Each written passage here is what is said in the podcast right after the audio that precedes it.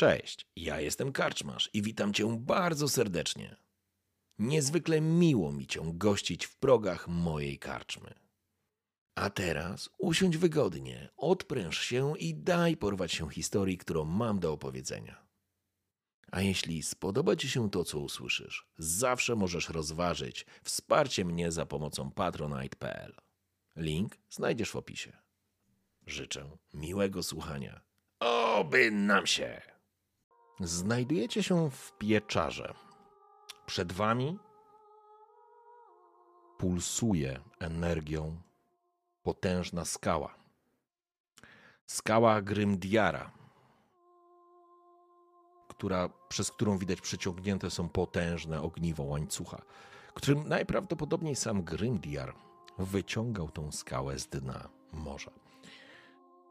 Jednak to teraz może jest mniej istotne, bo to był ten moment, w którym Agrat podszedł do kamienia, położył dłoń na tym kamieniu i wówczas każdy z Was przez chwilę pojawił się w zupełnie innym miejscu, w zupełnie innym czasie, tak jakby obserwował coś z boku, jakby to w ogóle była historia, bo o filmie wówczas nikt jeszcze nie słyszał, ale jakby ktoś malował waszą własną historię, a wy bylibyście tylko i wyłącznie widzem, chociaż nie wszyscy tak mieli. Ale czy podzielicie się tymi spostrzeżeniami, to zostawiam wam. To jest moment, w którym wracacie jakby do siebie, zostawiając przebłyski tych ostatnich wspomnień. Przypomnę tylko, jeżeli komuś uciekło, a gracie e, u ciebie była wizja dziwnej postaci, która poddawała wątpliwości różne rzeczy i przedstawiała ci alternatywne rzeczywistości po wykuciu włóczni. W przypadku Widara była to scena na drakarze i jesteś przekonany, że opowiadała twoją własną historię, chociaż chociaż nie pamiętasz tego, tak jakbyś sobie przypomniał, zobaczył scenę, nie jesteś pewien. Nikt ci nie powiedział, to twoja historia, Widarze. Ale czujesz, że ona jest prawdziwa. W przypadku Jana zupełnie niezrozumiała scena, ale może dlatego, że Jan znikąd jest Janem tak naprawdę z kontynentu i, i nie wszystko rozumie, co się dzieje na Skellige. No i Torgot. Torgot, który.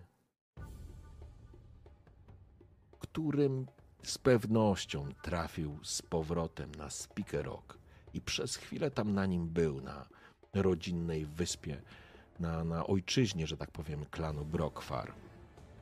Również zauważyłeś w, tym, w tych przebłyskach swoją, swoją broń, dwuręczny topór, żałobę. Okej. Okay. To tylko e, podrzucam wam, żebyście sobie przypomnieli. Z wami jest oczywiście również Hjalmar, który w tym momencie oparty jest na, na tych gruzach, czy na tych pozostałościach po golemie, z którym walczyliście.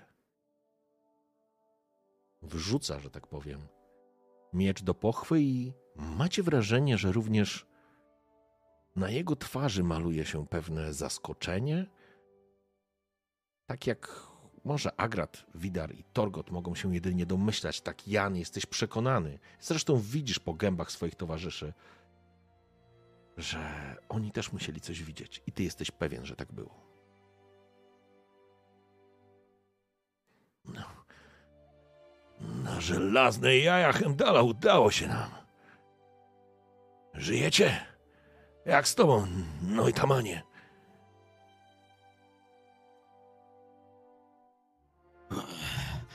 Widar jest kieruszowany chyba najbardziej ze wszystkich, zdecydowanie najbardziej. Szczerze mówiąc, patrząc na tą walkę, zastanawiam się, w jaki sposób doszliśmy tak daleko. Co byście nam kurwa robili z tym proszkiem? Tyłki sobie podcieraliście! Powiedział Widar, wstając z trudem. Pierwszy raz prawdopodobnie widzicie Widara, pierwszy bądź może drugi. Widara, który nie porusza się już z gracją, nie porusza się już płynnymi, kocimi ruchami, ale naprawdę widać, że każdy najmniejszy nawet ruch sprawia mu ból. Porusza się sztywno, mechanicznie, tak jakby tak naprawdę robił to jedynie siłą swojej woli, gdyż w istocie tak właśnie jest. Sam Widar nie pamięta, kiedy ostatnio zabrał taki łomot. I nawet Wiedźmin bez emocji w takich chwilach może czuć gniew. Myślę, że Hjalmar ci pomaga, ponieważ jest obok ciebie, obok, blisko, wrzuca po prostu, wkłada do pochwy miecz i zeskakuje z tego. On też również został ranny, podobnie jak Agrat, ale Agrat jest teraz dalej, przy ścianie. Hjalmar podaje ci łapę i podtrzymuje cię. Kto ma y, ten woreczek z proszkiem? Chciałem się tylko zapytać, czy to nie ja? Chyba Ja nie ty. pamiętam, kto ostatnio miał w Chyba rękach ty miałeś ostatni. magiczny No, proszek. Ja bym, ja bym tylko tak go tak widarze.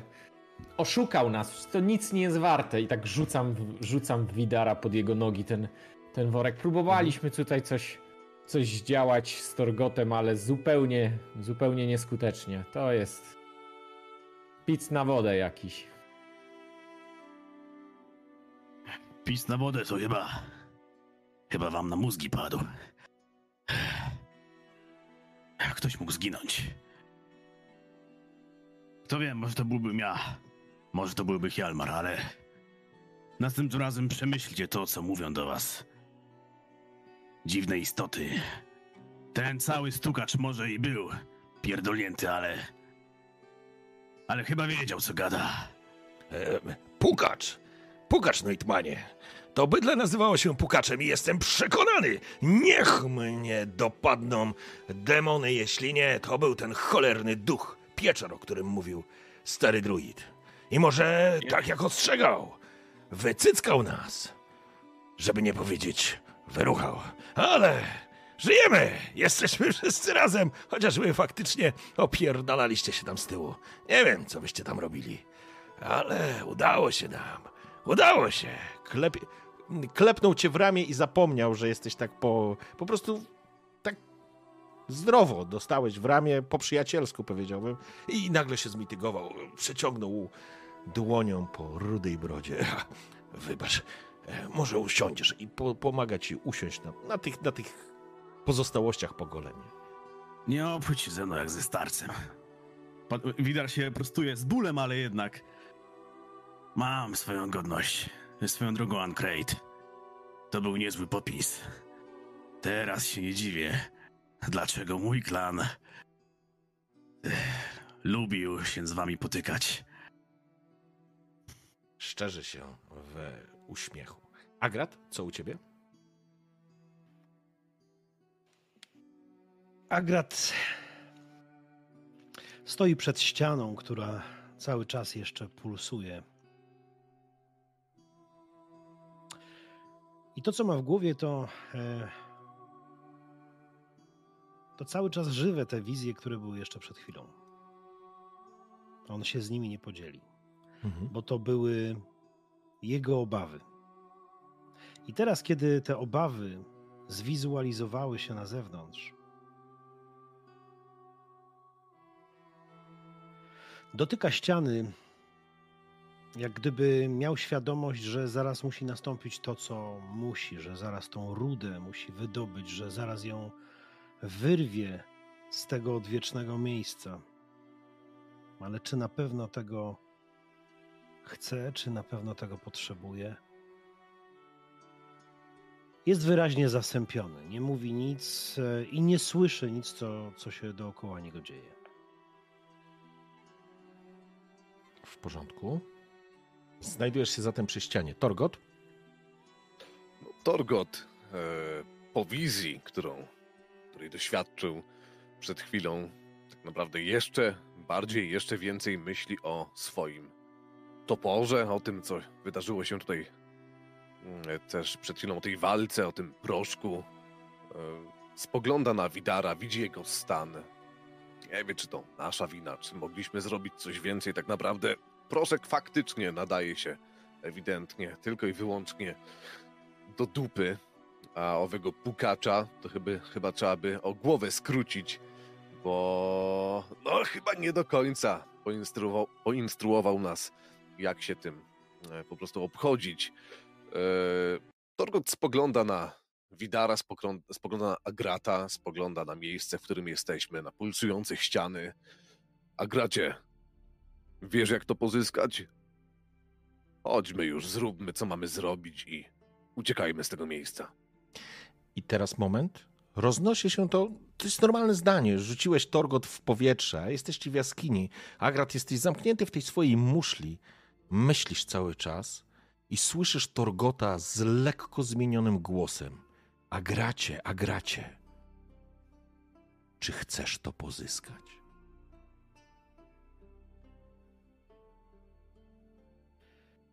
I mówiąc do głosu, właściwie nie do Torgota, tylko do tego głosu, który słyszę. A jest w ogóle inne wyjście. Jest w ogóle jakaś alternatywa. Hjalmar, kiedy Widar wstał, spojrzał w kierunku krasnoluda. On zdrowo w łeb dostał. Wszystko z nim w porządku? Agrat, wszystko w porządku? Agrat odwrócił się i widzi Torgota przy sobie. Jak najbardziej. Może nawet nigdy nie było tak w porządku jak teraz. Ale wiesz, Torgocie, są sprawy, są czasem chwile, jakby tu powiedzieć, wiesz, cała mądrość świata nie zmieści się w jednej krasnoludzkiej głowie. Torgot w tym momencie zrozumiał jeno tyle, że oj, zejdzie nam chwilę na pozyskaniu tego, po co tutaj przyszliśmy. Tak naprawdę nie spodziewa się, że Agrat może mieć jakieś głosy, jakieś problemy innej natury. Coś słychać, jakąś muzykę chyba. Tak, A, dobra, to ma być. Dobra, Tak, tak, dopiero bo- teraz usłyszałem. E, innej nie, bo natury. dopiero teraz włączyłem. Dobra, to myśl, Okej. spoko, spoko. Raz jeszcze spogląda na Widara, na Janka, na Hjalmara, który ewidentnie mu zaimponował w ostatnich tutaj zmaganiach. No i raz jeszcze, może nie pogania, ale porusza temat tego, by tutaj to, po co przyszliśmy, jednak pozyskać. A gracie, no już, dawaj, dawaj, jakoś, jakoś to zróbmy, mogę ci pomóc. Musimy to szybko zebrać i zabrać Widara do myszowora. Obejdzie się, wytrzymam.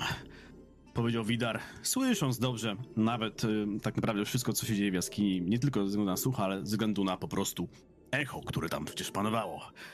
Ale masz rację, Torgocie. Agras, co się tak ociągasz? Trochę jak nie ty. Zawsze jesteś pierwszy.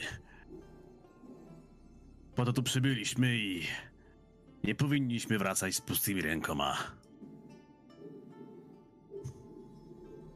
Tak. Tak, macie rację. Nigdy nie wracamy z pustymi rękoma. Zabierzmy się zatem.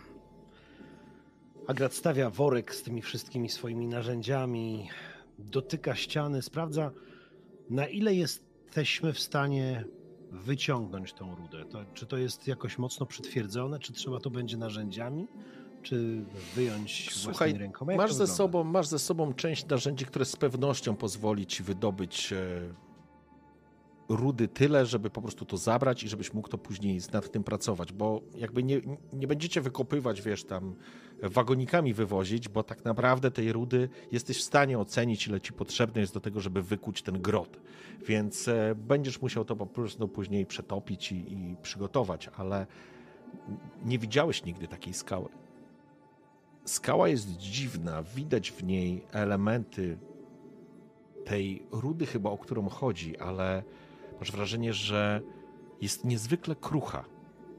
Ale może to tylko wrażenie. W każdym razie przygotowujesz swoje narzędzia. Janie, co ty będziesz robił? Bo siedzisz cichutko. Wiesz co, bo Jan się trochę zamyślił, słuchając e, po tych słowach Widara, kiedy wspomniał, że ktoś mógł zginąć. No Jan wiedział, że był, był przy tej walce, więc na szczęście, znaczy, że na szczęście był w tej walce, brał w niej udział, więc więc widmo zgonu kogokolwiek z rodziny było zażegnane, bo, bo wspierał swoich, swoich przyjaciół. Ale nadal nie rozumiał, czemu, czemu Widar tak wątpił, wątpił w powodzenie tej sytuacji całej. No, a worek oczywiście był oszukany, musiał być, bo przecież wszystko zostało zrobione zgodnie, zgodnie z tym, co powiedział y, pukacz stukacz. Więc. E, no, Jan, Jan stoi zamyślony, nie odzywa się za bardzo. No, tu jakieś wykopki, e, tu jakiś obolały wiedźmin, no ale przemyślenia ma dość głębokie. Czuje, że Widar chyba go nie docenia, chyba go nie docenia. W każdej walce, w każdej walce Jan całą drużynę wspiera i czuje to, czuje to jak się zbliża do tej drużyny, a jednak tu takie wątpliwości. No na pewno będzie moment, żeby to sobie wyjaśnić, y, ale może nie w ciemnej jaskini, bo niestety Jan to nie za wiele widzi tym swoim marnym wzrokiem. E, tutaj, tak jak mówiłem, to pulsowanie w rytmie bijącego serca, macie wrażenie, rozświetla takim dziwnym poblaskiem całe pomieszczenie, więc tutaj jakby nie ma sakramenckich ciemności. One po prostu pulsacyjnie em, rozświetlane są i, i jakby nie, nie, poruszacie się w absolutnych ciemnościach. Zresztą chyba macie jeszcze gdzieś tutaj swoje pochodnie. To ktoś z was Chyba miał. tak. Także, także nie ma z tym e, kłopotu. Dobrze, panowie, e, pomimo hardych i, że tak powiem, pewnych min, wszyscy odnosicie wrażenie, że coś się wydarzyło. I nie do końca wiecie co, poza oczywiście swoją historią. Ale jeżeli chcemy to przyspieszyć, to agracie w momencie, kiedy zaczynasz pracę nad tym, bez problemu jesteś w stanie wyłupać odpowiednią ilość tych, e, tego surowca, żeby zacząć nim, e, nad nim pracować po wyjściu z pieczar. To zajmuje jakiś czas godzinę, półtorej, no bo to więcej nie zajmie. Może dodam tylko tyle, że wyjmując to, co nie jest jakoś szczególnie trudne, bo to jest ruda, która jest zespolona z innym, z innym kamieniem, to trzeba będzie przetopić, to na pewno trzeba będzie nad tym pracować. Ale jest dziwne wrażenie, trzymając każdorazowo taki okruch, taki większy kamień, Agrat dostrzega żyłki, niebieskawe, świecące żyłki po tym kamieniu, jak gdyby ta ruda w tym, w tym kamieniu e, świeciła, ale tak naprawdę E, ma pewne zawahanie, bo trzyma to w dłoni i te żyłki układają się jakby w znaki, jakby w jakieś całkiem przemyślane, przemyślane wzory, które zaczynają świecić i przy pierwszym tego typu, przy pierwszym kamieniu, który wydobył, e, wydaje się, że wręcz zespalają się z jego żyłami napiętych, napiętych ramion, że te żyłki poszczególnych, poszczególnej rudy, one idą dalej jakimś światłem, które przechodzi żyłą, przechodzi głębiej. Więc trochę wystraszony za pierwszym razem podaję ją Torgotowi. Jeden, drugi kamień i ten kamień się tak nie zachowuje. Mhm. Co więcej... Co jeszcze bardziej... Mhm. E, tylko, okej, okay, skończ, przepraszam, ja tylko dodam To jeszcze bardziej uzmysławia mu, że to na pewno jest ten materiał i na pewno z każdą chwilą będzie coraz trudniej. Ja tylko jeszcze dodam, że w momencie, kiedy wydobywałeś ten, odłup, odłupywałeś te elementy kamienia, on po odłupaniu się od tej macierzy, od, tej, od tego głównego, że tak powiem, źródła, on jeszcze pulsował i kiedy podawałeś, faktycznie mogłeś dostrzec, może to siła sugestii, że układa się po prostu w jakieś dziwne wzory, miałeś wrażenie, że kamień pulsuje jeszcze przez chwilę tą energią, tak jak ten cały głaz, ale po chwili to pulsowanie zanika, on po prostu gaśnie. Nic się nie dzieje z tą rudą, ale po prostu po oderwaniu od trzonu, nazwijmy to w ten sposób, masz wrażenie, jakby coś umierało. Słyszysz znowu głos, gdzieś z tyłu. I faktycznie ten kamień, może to złudny, ale bardzo podobny był do wyrwanego kawałka. To znaczy, jakbyś wyrwał komuś serce, wiesz, taki kształt podobny. Torgot spojrzał na to i przygotował sobie, po prostu odłożył. Mm, na, na, na, na, do jakiegoś wora, czy gdzie to wy tam pakujecie. Mam E, pytanie od- odnośnie tego miecza, który miał Widar. E, Co się z nim stało? Tego magicznego. które... Widar, przepraszam, Widar, e, jasne. E, dobrze, że powiedziałeś, zupełnie mi to uciekło. E, miecz cały czas jest przytwierdzony do twojej ręki. On jest, to jest tak jakby ten glon oplótł twój cały nadgarstek, jakby się z nim połączył. Nie czujesz bólu, to nie jest tak, że ci wbija i tu odgryza ci rękę, ale po prostu jest taki uchwyt, który masz wrażenie, że jest przedłużeniem tego i niespecjalnie nawet wiesz, jak z tego się wyswobodzić, szczerze mówiąc. Dobra, Torgot, y, po tym jak otrzymał od Agrata kawałki tej rudy, magicznej rudy, bo rozumiem, że ona jest magiczna w jakimś stopniu, tak? Legendarna powiedziałbym. Mhm. A czy magiczna? jej, y, odłożył tak naprawdę do worka większe kawałki, które dostał, taki malutki, zatrzymał sobie w ręce, przyjrzał się mu. Może nie widział w tym kawałeczku tego, co widział w nim wpatrzony w te kamienie agrat, ale było widać zdecydowanie, że to, to nie jest zwykła ruda, to nie jest zwykły kamień, że jest w tym jakaś moc, jakaś magia. Coś, na czym Torgot zupełnie się nie znał. E, podszedł do Widara z tym kamyczkiem, widząc, co Widar dalej ma przytwierdzone do ręki, widząc, że jego amulet cały czas drży. Drży może i nawet mocniej niż wcześniej. Zobacz, Widarze. I podrzucił Widarowi ten kamyczek. Po to tutaj przyszliśmy. Niesamowite, co? Wow. Ciekawe, jaką to musi mieć moc. Zobacz na twój amulet. Mam I- nadzieję, że większą niż y, proszek. Panowie, że większą niż proszek. Tak, i Torgot tak naprawdę usiadł obok Widara, tak lekko nogą odkopał ten proszek, ten woreczek z proszkiem w kierunku Jana. Mhm. Ciekawe, jaką to musi mieć moc. I w sumie tak zwrócił uwagę, i tak zwrócił uwagę Widara na amulet, że odkąd Widar złapał ten kamyczek, amulet jeszcze bardziej drży. Rzeczywiście, ale to miejsce aż cuchnie magią. Tak po prawdzie. Wy też coś widzieliście, prawda? Kiedy to padło, Hjalmar natychmiast się na ciebie spojrzał i spod tych, wiesz, ta wykrzywiona, przeciągnięta blizną twarz też myślałem, że na Heimdala widzieliście coś? To nie były tylko moje zwidy. A, czyli jednak. Już myślałem, że to od tych ciosów zakręciło mi się w głowie, ale potem spojrzałem na was i nie wyglądaliście wcale lepiej. O, przynajmniej nie na mordzie. W tej grocie jest coś więcej. Pole magiczne jest tu silne. Medalion prawie chce mi się wyrwać z szyi.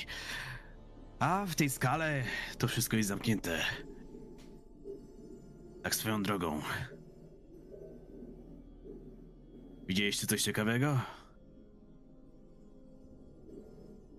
Ciekawego, nieciekawego. Dobrze, że wszyscy coś widzieliśmy, bo obawiałem się, że nawciągałem się tego proszku, gdy obsypałem nim topór.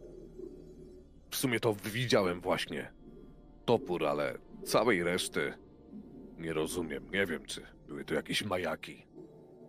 Nie wiem. Może jak dotrzemy do myszowora, to z kim o tym porozmawiam. Ach, druid będzie musiał posiedzieć z nami przynajmniej kilka wieczorów. Musimy Nie potrzebujesz rzeczy. jakichś opatrunków? Ech, poradzę sobie. Wiedźmiński organizm goi się nieco szybciej. Generalnie, Dużo szybciej. generalnie mechanicznie... Po czym Gidar Okej, jedna rzecz tylko ci powiem, mechanicznie masz jeden punkt ci się, że tak powiem, sam wraca, także masz jeden punkt HPK w tym momencie, nie stoisz na zero, nie? Jasne. Po czym Widar właśnie podniósł się tak naprawdę. Widać, że było, było że go boli, ale, ale jednak się podniósł i Jakoś dojdę z powrotem do Kertolde. Łapa jest spuchnięta, bo jest połamana, nie? Ach, no tak. Także tym, tą Ech, drugą rękę trzymasz po to, prostu... że przydałaby się pomocna dłoń. ciekawi mnie, co mam zrobić z tym paskustwem. Pokazał Widar miecz z wodorostów, tak, który tak mu tak Mhm. naprawdę dłoń. Myślę, że ponad dłoń, myślę, że na całej wielkości już jest cały oplesiony. Zacna to broń, ale... ale mało reprezentatywna. No i teraz Torgutowi do głowy wpadła myśl, w sumie przed chwilą myślał o tym, że proszek jednak nie działał, ale przypomniał sobie, że przecież spróbował e, dotknąć proszkiem tego miecza. Mhm. E, a może widać, że spróbujemy tym proszkiem. Nie wiem, czy chcesz czekać na myszobora. Pamiętasz, że miecz lekko się uszkodził, gdy go nim potraktowałem. Ten proszek ma, wbrew pozorom, potężną moc. Pewnie gdyby został odpowiednio użyty, patrzy i zarówno na... Przecież był używany na- odpowiednio. Gdyby został odpowiednio użyty, pewnie by nam pomógł, ale teraz lepiej... Lepiej zachować te zasoby, które mamy i pokazać wszystko myszoworowi. Myślę, że on będzie w stanie udzielić więcej odpowiedzi niż oczekujemy. A, to paskustwo! Na razie sobie zostawię, kto wie. Może też dowiemy się czegoś więcej. A nóż widelec na coś się przyda. I wyjdziemy stąd z czymś więcej niż tylko z kilkoma bryłkami. To ważne bryłki. Ruszajmy zatem. Widzę, że Agrat już nakopał. Chyba wystarczy, mości krasne ludzie. Wystarczy. Coś strasznie spochmurniałeś. Coś złego się stało? Nie, dlaczego? Wszystko jest w należytym porządku. Może ja druidem nie jestem i uczonym specjalnie też nie, ale jakoś mam wrażenie, że dobry humor cię spierdolił. O tam. Oj, tam zostaw moje drzazgi w mojej dupie. No dobrze. Zbierajmy się zatem. Pomóc ci? No i tmanie. Dam sobie radę. Zbierzmy co potrzebujemy i. i nie mitręczmy więcej. Okej. Panowie, czy coś chcecie jeszcze tutaj y, zrobić? Czy przeskakujemy? Ja ten woreczek podniosę, który, który Torgot w moją stronę kopnął, tak? Dobrze pamiętam? Rzucił pod nogi Widara, z tego Dobrze co zrozumiałem. pamiętam. No, ale Tak? potem odkopnąłem, jak No, no, podszedłem do Widara. Ja rzuciłem, ale ten, Ty ale rzuciłeś, tak. no, kopnąłeś. No to ja go podnoszę i chowam, chowam gdzieś tam sobie. wpisz w karcie, że jest ten woreczek, bo później będziemy go szukać. Worek z resztą proszku. Tak. Już wpisuję. E, Dobrze. E, macie również tą rudę i, i co? I zbieracie się stąd, rozumiem. W porządku. Zatem opuszczacie serce jaskini. Zostawiacie za sobą potężną skałę Grimdiara. Opuszczając ją, odprowadzani tym błyskiem, tym dziwnym poczuciem jakby rytmu bijącego serca. Z z nowymi rzeczami, albo z nowymi planami, albo przemyśleniami. W każdym razie, kiedy zanurzyliście się znowu w sieci jaskiń i kiedy zbliżaliście się znowu do tej sali, w której spotkaliście pukacza, słyszycie, jak pukacz śpiewa swoją durną piosenkę. I kiedy wychodzicie z tego korytarza, on się obraca na was. Uha, uha! Spójrzcie, ktoż tu do nas wrócił! Bohatyry! Bohatyry! No brawo! I jak? Z zaciekawieniem spogląda się na was. Dalej siedzi na tym stosiku. Coś gęby macie nietęgie.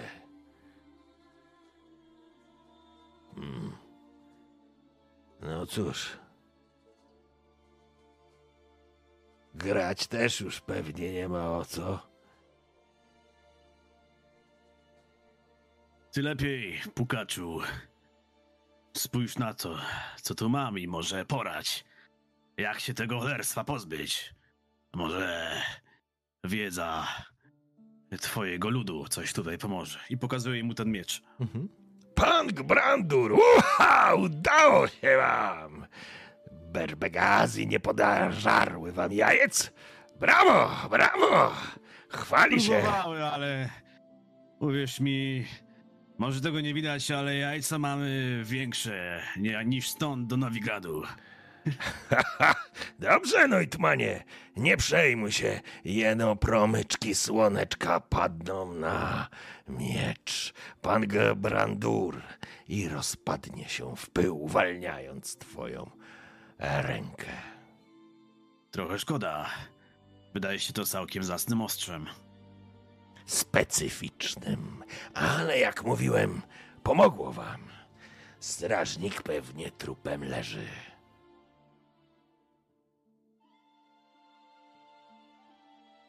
Ano leży. I mamy to, po co przyszliśmy. Po czym wskazuje głową na Agrata. Tak? Agrat dzierży te skałki? Albo Agrat, albo Torgot. Może razem jakoś nawet niosą w No, dwóch na, workach. na Agrata i Trugota.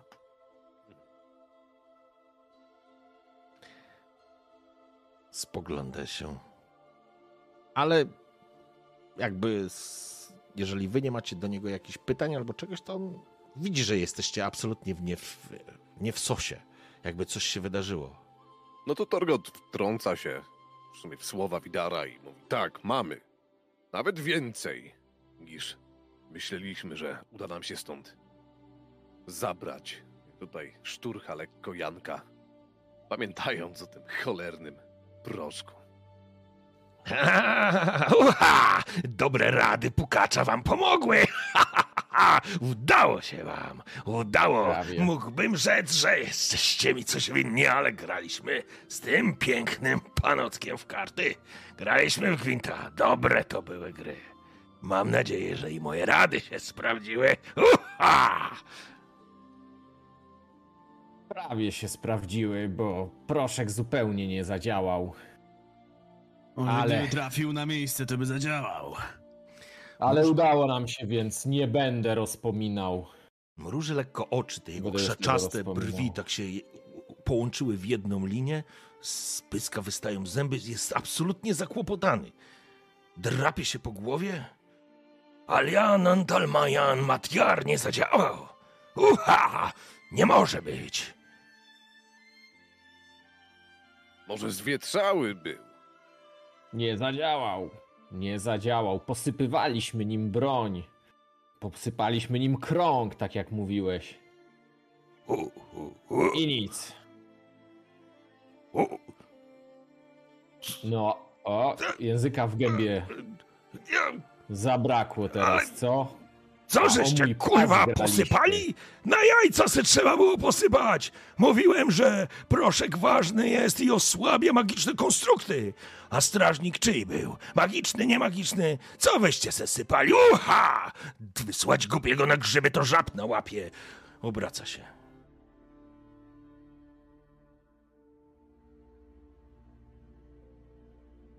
Nic dodać, nic ująć. Ale mamy to już za sobą. A gdy już tu już jesteśmy i gdy mamy się pożegnać, to może jeszcze nas uraczysz. Drogi stukaczu. Pukaczu. Uha! Stukaczu? Kurwa, ale mi się towarzystwo znalazło. Pukaczu, kurwa, pukaczu. Może być i ruchacz, gdyby miał słuchać. O, Powiedz właśnie. nam może, bo ty zapewne wiesz, widzę to po twoich cwanych oczkach. W tej grocie coś więcej było niż tylko magiczny konstrukt i, i te skały, które żeśmy zebrali. Uha, skała Grimdiara, założyciela Ancrate. O, mojego praszczura, o tak, o tak. Hjalmarze, twojego praszczura, gołymi rękoma, Kaertrolde wykuł. Magiczne miejsce, magiczne dla wszystkich na Skellige. Uha! A czemuż pytasz, Noitmanie?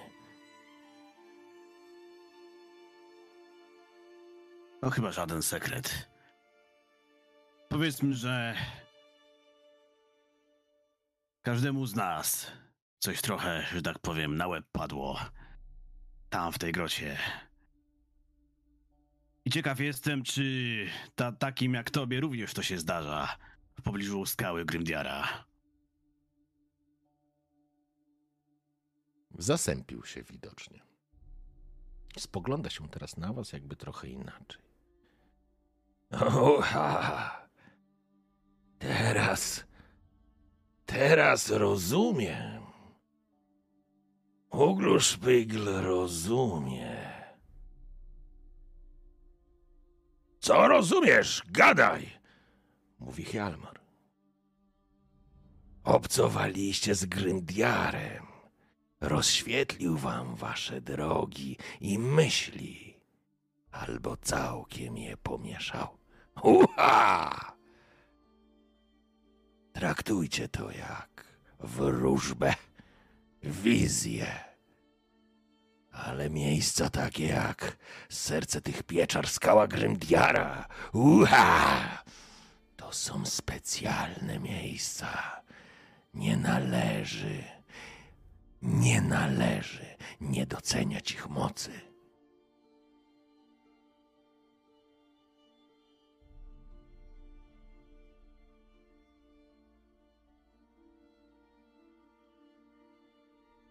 Chodźmy już, widarze. Czas nagli. Tak. Więcej chyba się nie dowiemy. Bywaj, pukaczu. Bywajcie. Uha. Ale taki jakiś też smutniejszy się zrobił.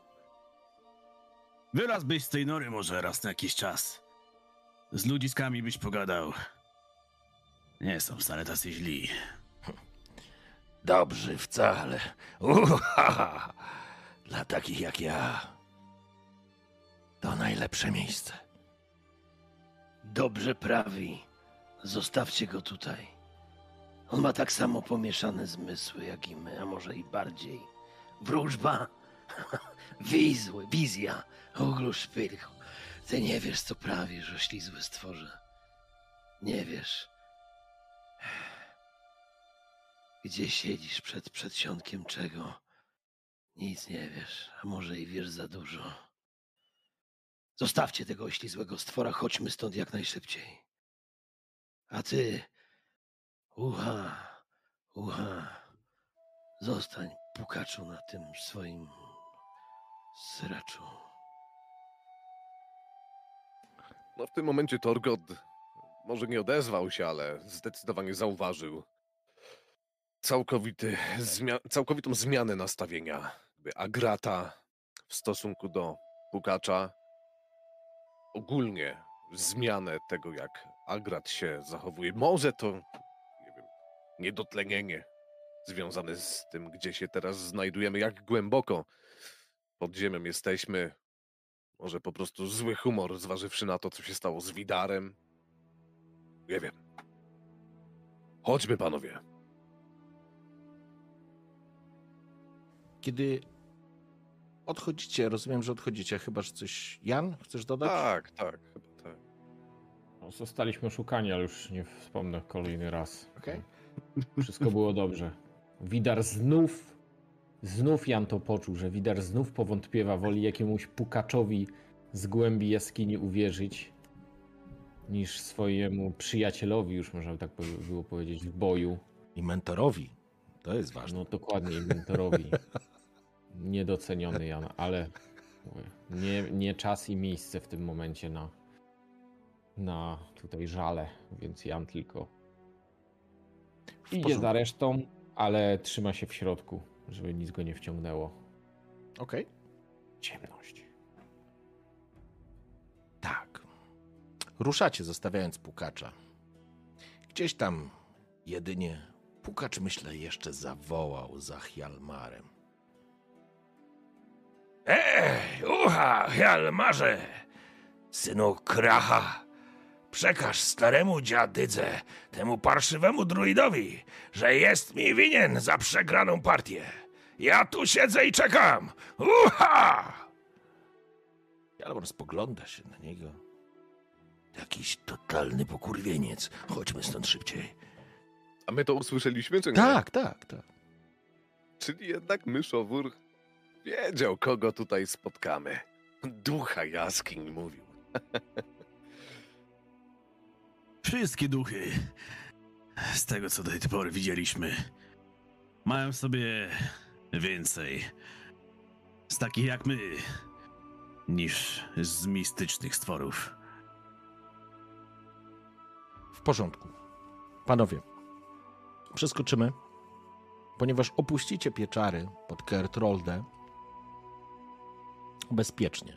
Przeczyściliście, wyczyściliście sobie drogę przynajmniej w tamtą stronę, więc jeszcze nic złego się nie zdążyło objawić. Kiedy wychodziliście, Hjalmar zamknął drzwi, a przed nim, przed drzwiami stało dwóch strażników. Wy wyruszyliście w dzień, więc myślę, że jest późna noc. Ruszyliście zatem zboczem Kertrolde bezpośrednio do samej twierdzy. Dotarliście tam i teraz pytanie, czy chcecie coś konkretnego będziecie chcieli zrobić, czy przejdziemy do następnego dnia i spotkamy się w sali na przykład? Co jadalnej? stało się z mieczem moim? A, właśnie. W momencie, kiedy wyszedłeś z, kiedy wyszedłeś z, z jaskiń, z pieczary i faktycznie, kiedy spadł na, na miecz pierwszy promień, chyba nie miało znaczenia, czy słońca, czy księżyca, faktycznie glon po prostu się rozpadł, jakby uschnął. Uschnął i po prostu zamienił się w taki, może nie w pył, ale po prostu tak jakby roślinę bez wody. Rozumiesz? Uschnięta, ona po prostu zeszła ci bez żadnego problemu z ręki, uwalniając tą dłoń. Ach.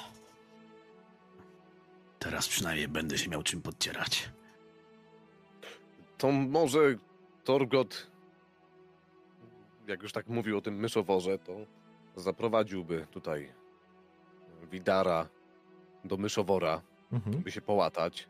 Przy okazji chciałbym, nie wiem, pokazać i porozmawiać z myszoworem o tym, co się wydarzyło tam na dole, o sprawie z toporem, o tej wizji i może wziąłbym te wysuszone kawałki miecza z ręki Widara, które spadły na ziemię Mhm. ze sobą, a nóż widelec przyda się to myszoworowi do czegoś. W końcu nie jest to zwykły glon. Okej. W porządku. Eee, czy idziecie wszyscy do myszowora, czy jakoś się rozdzielacie? No wszyscy. Chyba idziemy. Tak. Okej, w porządku. Słuchajcie, ja to po prostu przeskoczę. E, Przeszliście, wróciliście bezpiecznie do, do samej twierdzy. Była faktycznie już późna noc, ale w komnatach myszowora chyba nigdy nie gaśnie światło. Hjalmar was poprowadził, a kiedy tylko szedł i wszedł pomiędzy swoich ludzi, zaczął opowiadać, czego wyście tam nie dokonali, z czym wyście nie walczyli i co potrafią Mancrate. Ale rzecz jasna, w takim doborowym towarzystwie to i można byłoby giganty prać. Mm. Przeskoczmy zatem do komnat, e, do komnat e, myszowora. Weszliście do dużej komnaty, przy której faktycznie palił się, e, pali się kominek. Oczywiście jest zimno, więc z dużym przyjemnością z dużą przyjemnością usiedliście wokół kamieni, wokół, wokół paleniska. A myszowór poprawił tą swoją narzutę, spojrzał się na was. A więc udało się wam. Może czegoś się napiecie, może jesteście głodni. Ja jak najbardziej. A nie pogardziłbym jakoś strawą. Dobrze. Zatem rzucił mm, do jakiegoś, do kogoś, kto po prostu obsługuje go, jakiegoś służącego, kogoś pracującego tutaj. Będzie przyniesione pomimo późnej pory, to nie ma znaczenia. Mężczyzna siada. Opowiadajcie zatem, co znaleźliście w sercu Kertrolde. No Torgot wtrącił tutaj od razu, że twój duch jaskiniowy Pytał o ciebie. Krzyczał coś w jakimś gwincie partii. Coś. Uśmiecha się, poprawiając swój kubrak z foczego futra. Stary uglu szpigl nadal siedzi w pieczarach. Kto by pomyślał? Tak, trzeba było od razu tak mówić, druidzie, że to pukacz, a nie żaden duch. Druid spogląda się na niego. Ja nigdy nie powiedziałem, że pukacz jest duchem. Pukacz to pukacz. Jak foka, niedźwiedź, koń. Żubr. Hjalmar spogląda się na niego. Zaraz to. To kim jest duch pieczar? I spoglądacie lekko uśmiechającego się druida, a w jego oczach jakby przeskoczyły iskierki. To zależy, kto patrzy, Hjalmarze. Udało się wam. Gratuluję. Myślę, że dostrzega twoją łapę, e, widarze. Opowiadajcie zatem. Co żeście tacy markotni? Masz, proszę. Rzuciłem teraz na stół e, kawałki tych glonów, tak jak ten miecz się nazywał. Ten miecz się nazywał, już ci mówię, bo oczywiście nie pamiętam nazwy, muszę sobie Tak, ja też. E, Miecz zgonów. e, To Miecz rzu- pan, pan Gbrandur. Pan Gbrandur, tak się nazywał. Dobra, to, to rzucam e, na stół te, te glony, tak? To, co zostało z tego miecza i Mhm. Proszę, pan Brandur, albo przynajmniej to, co z niego zostało. Pomyślałem, że może będziesz chciał przeprowadzić na nim jakieś badanie, czy do czegokolwiek się tobie przyda. Odegrał dosyć ważną rolę tam na dole. Odegrałby pewnie tak ważną rolę, jak to, co dostaliśmy od pukacza. Któryś z was to ze sobą zabrał? No, Torgot spogląda na Jana. Jan wyciąga z zapazuchy woreczek z resztką tego proszku. Tak jak towarzysze mówią, jeszcze to. Ale chyba zepsute albo oszukane. Zupełnie nie zadziałało. Mhm. Rozpoznajesz to myszoworze? Podajesz mu ten mieszek, zagląda do środka, jakby wstrząsnął. Alian Talmain Matiar.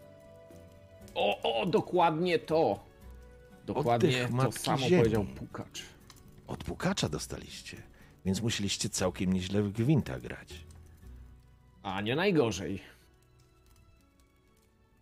Tylko, Gratulacje. u, u, u, u, myszoworze, drogi, uważaj, jak się z tym obchodzisz. Proszek, co prawda, chyba nie działa, przynajmniej nie tak, jakbyśmy tego chcieli, ale i tutaj wyciągam swój topór.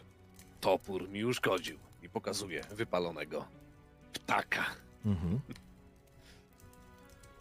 Ciekawa broń, Torgocie. Rodowa. Tak. Ciekawa broń, znaleziona w ciekawym miejscu. Oj, coś czuję, że długo się z nim nie rozstanę. Musisz mi kiedyś o tym opowiedzieć. A teraz pozwólcie, że sprawdzimy rękę Widara. Przechodzi obok Agrata, zaczepiając cię. A ty, panie krasnoludzie? Coś taki markotny. Co się wydarzyło? Ja. I tu Agrat spojrzał myszoworowi prosto w oczy, ale dużo głębiej. Tak jakby. Tak jakby bez słów chciał spotkać się z nim wzrokiem i powiedzieć wszystko, co ma w głowie. Bo przecież myszowór nie jest li tylko zwykłym człowiekiem.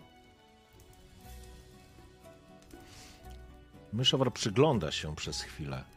Masz wrażenie, że znowu iskierki zatańczyły w jego oczach. Uśmiechnął się delikatnie, poprawił swój foczy kubrak i bez słowa podszedł do Widara. Po chwili poczułeś na ręku maści intensywny zapach ziół. Coś ci kazał zjeść i przerzuć. A potem, potem wyciągnął tą dziwną swoją różdżkę i zaczął rysować albo pisać jakieś znaki na twoim chorym ręku. I mieliście już okazję widzieć, jak to działa. Po chwili poczułeś bardzo duże ciepło, jakby ktoś przyłożył coś, może nie gorącego, ale niezwykle ciepłego, jakby ktoś owinął twoją dłoń ciepłym bandażem. Zaciśnij zęby na trzy. Raz, dwa i on już na dwa wciska, ustawiając kości. Zazgrzytało. Przeszły ci ciarki, Janie. Ale nie poczułeś bólu. Potrzebujesz kilka dni. Dziękuję ci, arcydruidzie. A zarazem pozwól, że zapytam. Misję wykonaliśmy, przynieśliśmy co trzeba było. Mamy tutaj tą skałę, po którą ruszyliśmy, ale wszyscy znaleźliśmy tam na dole coś więcej. I nie mówię tu tylko o tym proszku, czy o tej broni, której teraz resztki widzisz. To miejsce pulsowało magią, która była aż wyczuwalna. I zarówno ja, jak i moi towarzysze doznaliśmy tam. Hmm, nazwijmy to wizją. Powiedz, czy wiesz może coś o tym więcej? Uśmiechnął się, ale nie ironicznie, absolutnie. Mówiłem wam o duchu jaskini. Każdy z was go zobaczył na swój specyficzny sposób. I każdy z was czegoś się o sobie dowiedział, nawet jeżeli to, co zobaczył, nie było przyjemne. Mogę wam zagwarantować jedno, że to, co zobaczyliście, zostało wplecione do waszego gobelinu przeznaczenia. Wcześniej czy później o tym się przekonacie, albo już byliście świadkami tych wydarzeń. Z jakiegoś powodu ponownie je widząc. To może być ostrzeżenie, to może być pomocna wskazówka, to może być informacja, ale duch może również z was zadrwić. Pukacz spogląda na Hjalmara z takim politowaniem. Nie jest Pukacz? żadnym duchem. Pieczar i serca. Kertrolde. Nie dajcie się jednak zwieść. Nie dajcie się pożreć wizji, którą ukazał wam duch. Tylko od was zależy, czy stanie się prawdziwa. Czyli jednak było tam coś, czego nie dostrzegliśmy, a nawet kiedy widzieliśmy to, to nie wiedzieliśmy na co patrzymy.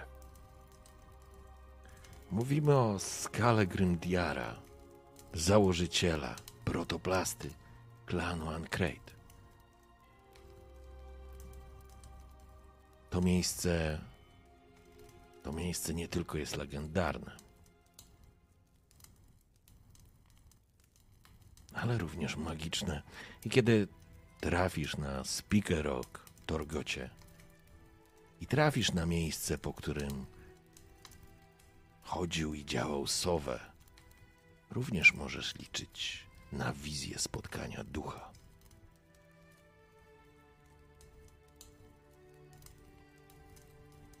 No tutaj Torgot po usłyszeniu Spikerok, Sowę, duch. Może nie rozmarzył się, ale zamyślił chwilę o tym, że czy będzie mu dane może jeszcze kiedyś odwiedzić rodzimą wyspę. Wiesz o tym, że Sowe jest założycielem klanu Brokfar, tak jak Grimdiar w przypadku Ancrate. Powinniście odpocząć, a z Rudą rozpoczniemy pracę, a właściwie chyba ty rozpoczniesz pracę, mości krasnoludzie. Tak. Rozpocznę na pewno. Muszę się tylko przyjrzeć jeszcze raz tym planom. Pomyśleć chwilę, żeby zrobić to jak najlepiej, jak najdokładniej. Potrzebujesz, Agracie, naszej pomocy? Nie, nie, nie w tej chwili. To. To może być, Torgocie, najtrudniejsza rzecz, którą kiedykolwiek wykuwałem, więc. Muszę. Muszę pomyśleć. Pomyśleć muszę.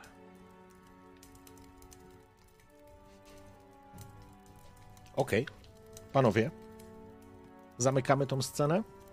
E, Przechodzimy dalej, czy coś chcecie jeszcze jedno. zrobić? Bo jeszcze jak tutaj chyba już tam wszyscy siedzą, już tam sobie, rozumiem, już syjemy, tam odpoczywamy.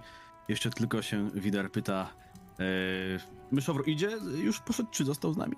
Wy jesteście u myszowora, także to wy A, musicie no to sobie jesteśmy. No to Tak. jak już omówiliśmy ważne sprawy, jeszcze jedno, arcydruidzie. Em, moja prośba może zabrzmieć nieco błaho, ale... Obiło mi się o uszy, że druidzi em, znajdują upodobanie nie tylko w gmincie, na co znaleźliśmy już potwierdzenie, ale także w fajkowym bielu. A tak się składa, że od miesięcy nie miałem nic dobrego w ustach. Nie masz może czegoś u siebie? Służymy przyrodzie i utrzymujemy balans pomiędzy tym, co naturalne, a tym, co ludzkie.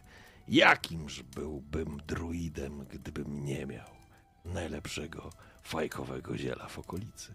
Rzecz jasna, wyciąga mieszek, nabija fajkę, odpala z kciuka, że tak powiem, wystrzeliwuje mu iskra i w powietrzu nosi się fantastyczny zapach. Myślę, że nie wiem jak Jan i Torgot, krasnolud z pewnością popalał zioło, które palicie, żeby nie nazywać tego bezpośrednio sztytoniem, jest wyjątkowo dobre. No, Torgot od razu wyczuł znajomy zapach. Może często mu się to nie zdarzało, ale gdy zaszywał się w dziczy, by zapolować na zwierzynę, często w samotności, faktycznie popalał ziele. Więc myślę, że jeszcze z jakąś fajkę jedną czy dwie wyciągnął i po prostu nabił, tak żebyście mogli zapalić. Nie było żadnego problemu z tym. A w takiej jeszcze chwili zadumy rzuca do was. Jutro Ceres i Krach będą chcieli z wami porozmawiać.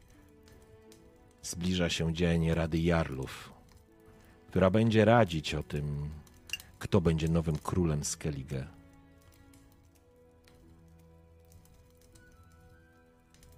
Ciekawy moment. Tak. To może być interesujące. Powinienem pomówić z Ornem. A właśnie, co u Orna? Jakieś postępy? Spogląda się na ciebie, zaciągając fajką. Wydmuchuje kłęby dymu. Zdecydowanie lepiej niż mógłbym przypuszczać. Szybko dochodzi do siebie. To dobra wiadomość. Przeżył, bardzo dużo przeżył. Ale jak sam będzie chciał z wami o tym porozmawiać, to wam to powie. Ale bardzo mnie cieszy fakt, że wraca do zdrowia jest niezwykle zdeterminowany i, myślę, że to daje mu dużą siłę do działania.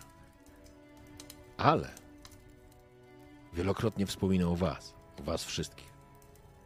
Ciebie widarze, rzecz jasna, nie mówi do ciebie widarze, Ungwarze mówi. Ciebie Ungwarze, rzecz jasna, jesteś jego bratem, ale jestem zaskoczony, jak dobrze i ciepło mówi o was. Czyli chwalił się tym, co go spotkało, gdzie był i co robił. Prawdę Dobrze. powiedziawszy, niewiele, wspam- niewiele pamięta z tego, co się działo. Ale porozmawiajcie z nim sami. Nie chcę. poruszać tematów, które o których sam by wam nie powiedział.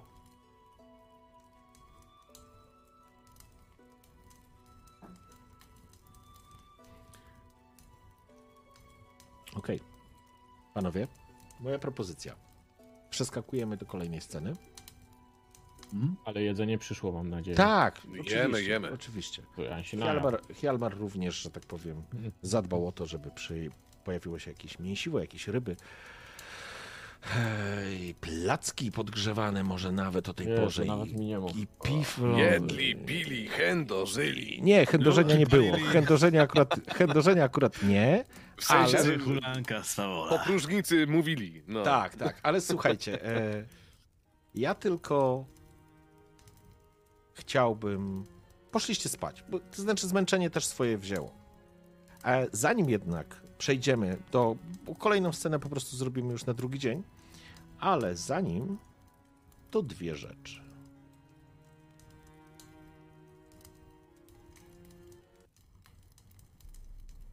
Każdy, każdy z Was ma swój pokój, jakąś taką komnatę gościnną. Jesteście traktowani faktycznie z dużym wyróżnieniem. Nie mieszkacie wszyscy razem, każdy z Was ma swój pokój. Widar, muszę zmienić to. Ungwar.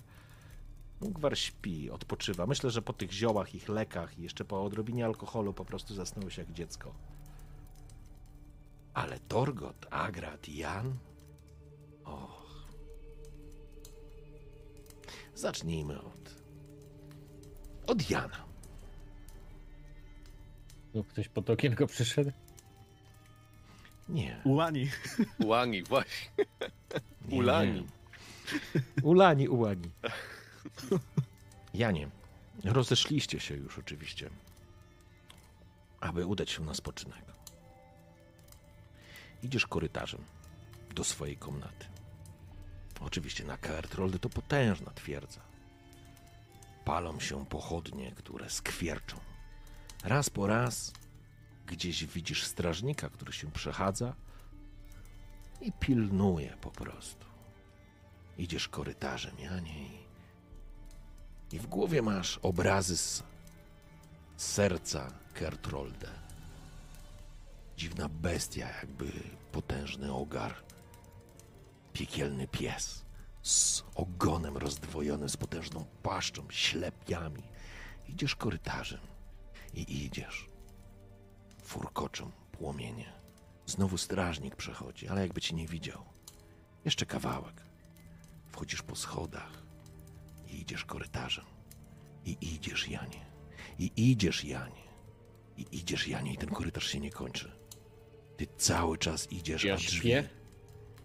No idziesz. Próbujesz dostać się do swojego pokoju. Obracasz się do tyłu, a za tobą jest nicość. Nie ma nic. Tak jakby ktoś wymazał za tobą obraz. Jest po prostu czerń, atramentowa, nawet bez blasku gwiazd. A ty idziesz dalej do swojego pokoju. I na końcu tego korytarza, w pewnym momencie, dostrzegasz jarzące się i wpatrujące się w ciebie ślepia. Tego czegoś, co widziałeś w Na pieczarach moście. pod Kertrolde. A nie na moście? Nie, Na moście był człowiek. a to nie jest człowiek. Bo te ślepia są ustawione w innym miejscu niż ludzkie. I błyszczą się światłem, blaskiem, który widziałeś w tej wizji. Spoglądają się, jakby obserwując cię, po czym słyszysz warkot, który się roznosi po tym korytarzu. I to coś zaczyna biec do ciebie, błyskawicznie. I słyszysz tylko głos, który słyszałeś wtedy. Przyprowadź go do mnie. Uderzenie łap, potężna paszcza, ślepia, wijący się ogon, zbliżający się w zatrważającym tempie. Nie możesz się cofnąć. Spoglądasz się tylko jak bestia robi potężne kilka susów, wzbija się do lotu, jakby do, odbija się od ziemi i rzuca się na ciebie. I masz dokładnie ten sam obraz, który miałeś wówczas. Potężną paszczę, która zamyka się wokół twojej głowy. Otwierasz oczy i ciężko łapiesz powietrze. Leżąc na łóżku, okno jest uchylone, jest niezwykle zimno. Wieje chłodny, lodowaty, może nie chłodny, ale lodowaty wicher. Jesteś rzeczywiście u siebie w pokoju, bezpieczny, zgrzany i spocony. Ja mogę podejść szybko do okna, Oczywiście. Żeby je przymknąć, ale kątem oka zerknąć e, na ten most. Kiedy podchodzisz szybko do okna, żeby je zamknąć, żeby zabić ten chłód, który spowodował, że polana w tym twoim kominku nieco nawet przygasły, słyszysz. Spoglądasz na most, w miejscu, w którym wcześniej był ten mężczyzna, ale teraz nikogo nie ma. Może zaczynasz po prostu wariować. Zamykasz. Jeszcze. To jeszcze bym sprawdził drzwi i korytarz. Tak podszedł do drzwi, lekko je uchylił. Mhm. Otwierasz drzwi, rozglądasz się w jedną i w drugą stronę. Widzisz strażnika, którego widziałeś we śnie. On po prostu przechodzi. Ale korytarz ma koniec i te schodki, po których wchodziłeś, też widzisz. Ale nie masz wrażenia, że to już jest niekończący się korytarz. Dziwne. No nic. Która godzina w nocy to jest tak mniej więcej? Myślę, że jest gdzieś na nad ranem. Myślę, że jest nad ranem. Jest już ciemno. Jest jeszcze ciemno, jeszcze słońce nie wstało, ale noc się kończy zdecydowanie. Nie czujesz się specjalnie wyspany. Mm, Nie, pozostaje chyba nic Janowi, jak e, nie, nic do zrobienia, jak wrócić do łóżka i spróbować zasnąć. No, sytuacja jest zastanawiająca, bo bo Jan nie kojarzy, żeby zrobił cokolwiek, co spowodowałoby, że ktoś miałby go śledzić, szukać, a już na pewno e, przyprowadzać do kogoś. Tylko do kogo i po co? No Jan nie kojarzy. Nie kojarzy takiej sytuacji. Może, może porozmawia z towarzyszami na ten temat. Ale, ale w tym momencie to nie pozostaje mu nic innego.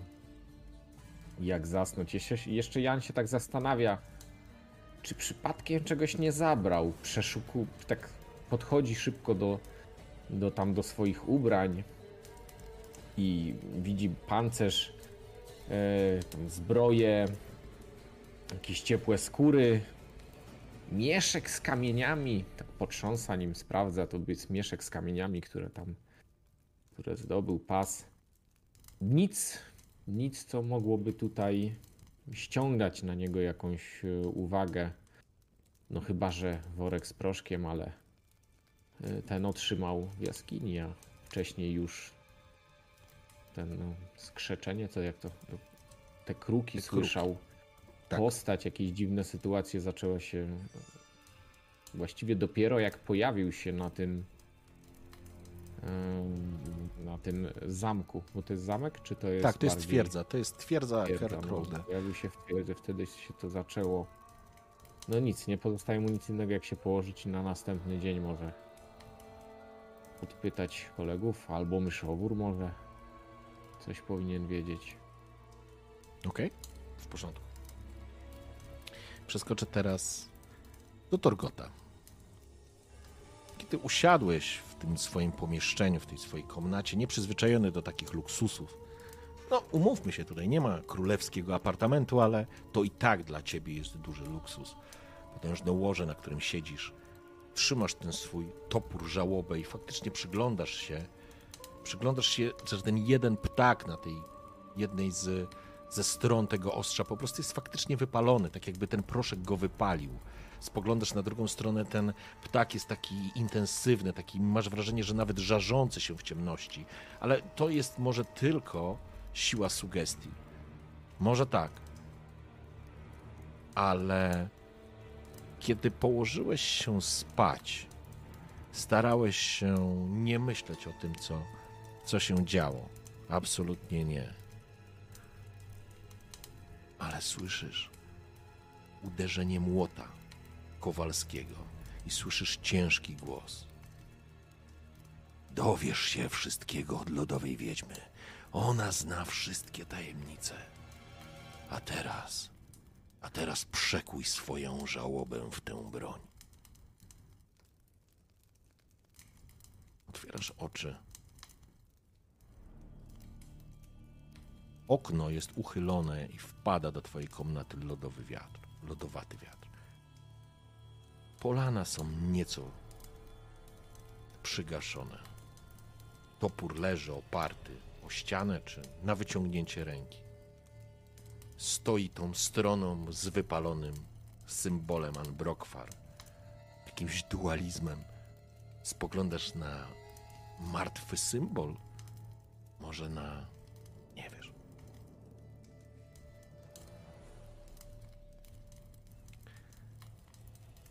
Wracam jeszcze do Agrata.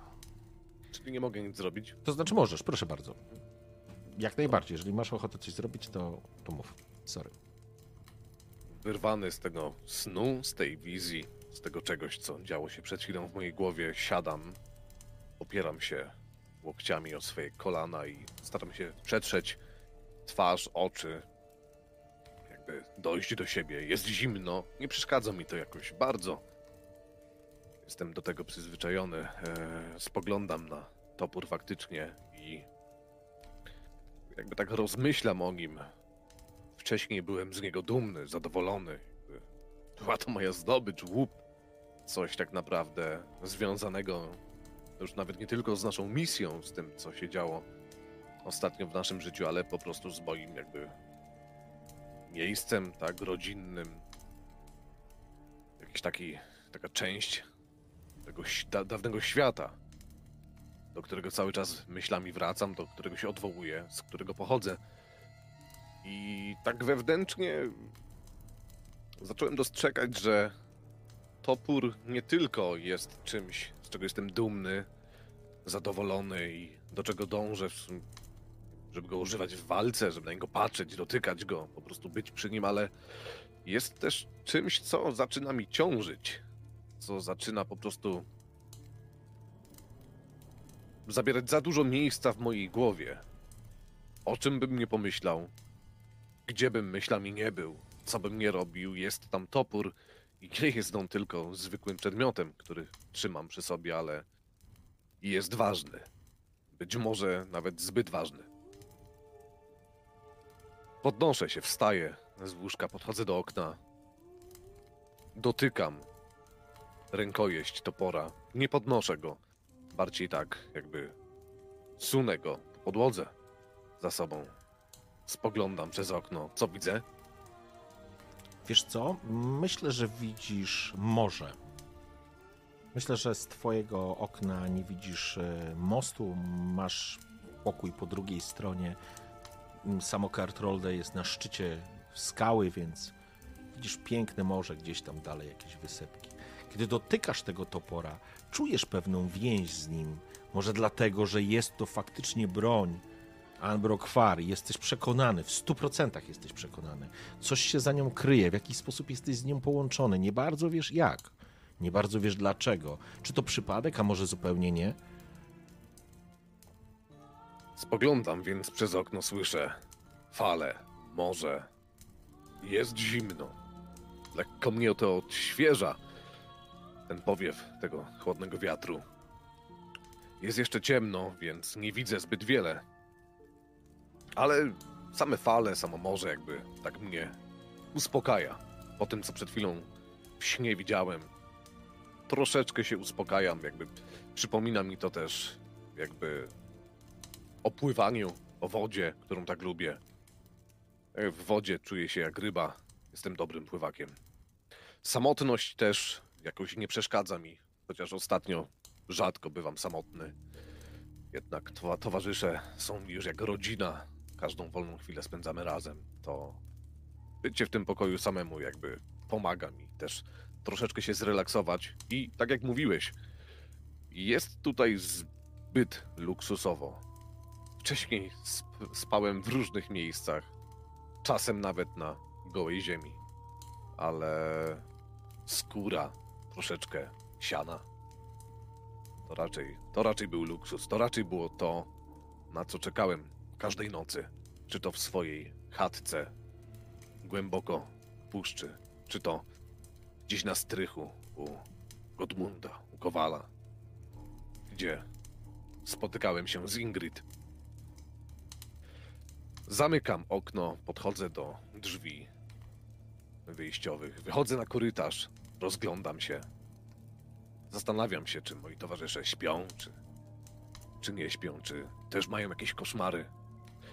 Przechadzam się po korytarzu, idę przed siebie. Rozumiem, że jesteśmy gdzieś niedaleko siebie. Tutaj wszyscy, tak? W tych pokojach. Tak, myślę, że mm, trafiłbyś do pokoi towarzyszy. I tylko jedną rzecz dodam, że kiedy twoje myśli uciekły w kierunku Gudmunda i Ingrid, myślę, że gdzieś zupełnie instynktownie sięgnąłeś za pazuchę do jakiejś kieszeni, w którym masz ten pierścień z czerwonym oczkiem, który znalazłeś razem z e, żałobą wówczas tam na szczycie z Gryzoty Modolfa, który chcesz podarować Ingrid jako dar dla swojej przyszłej żony. Ale faktycznie przechodzisz się przez te korytarze, żeby się W głowie, w głowie mi tak naprawdę teraz to, co się dzieje u moich towarzyszy. Yy, trzymam ten pierścień może w dłoni. Mhm. Jakby tak. Za pomocą tego pierścienia czuję się trochę bliżej domu, bądź tego, co domem nazywam aktualnie. Yy, podchodzę do pokoju, w którym, tak mi się wydaje, mieszka aktualnie Agrat. Może nie w celu podsłuchania tego, co tam się dzieje, nie przykładam ucha do drzwi, ale przykładam głowę bliżej drzwi. Dobrze. Jestem ciekaw, czy, czy coś tam usłyszę, czy nie. czy Zatrzy- tylko ja. zatrzymuj, zatrzymujemy Mhm. się w tym momencie i przechodzimy do Agrata. Gdzieś położyłeś się, musiałeś odpocząć, pomimo tego, że głowę z pewnością miałeś zajętą. Na stole masz wyciągnięte te bryły, też te elementy kamienia, ten surowiec.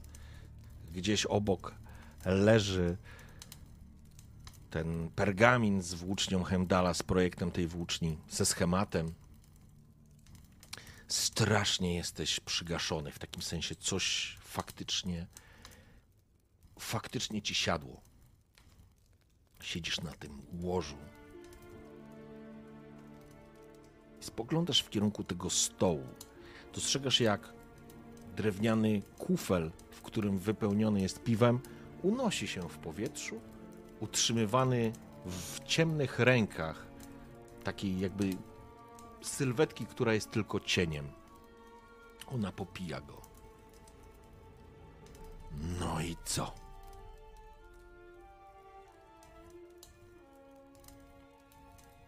Ta broń nie należy się im.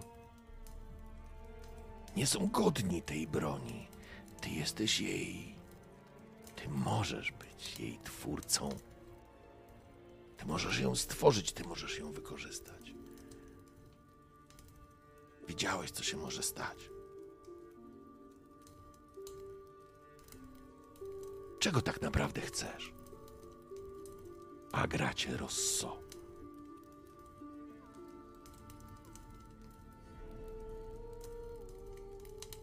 Z każdym słowem, które do mnie dociera, wydaje się, że jest coraz ciemniej, że, że z tego cienia idą następne cienie. W całym pokoju jest czarno. Smoliście czarno. Już tylko niewielkie przebłyski światła odbijającego się od szklanych czy metalowych powierzchni zarysowują instrumenty, kawałki różnych powierzchni. Serce wali. Tu, tu, tu. Wydaje się, jakby waliło coraz wolniej. Jakby ta ciemność, która przemawia, była była tak blisko, jakby, jakby czas się zatrzymywał. Wstaję, podchodzę do stołu. Opieram się obydwoma rękoma wielkimi dłońmi, które nieraz topór trzymały, młot. Nachylam się nad tym schematem. Obok jest schemat, mistrzowski schemat. Było go brać. Było przechodzić przez tą bramę wiedzy.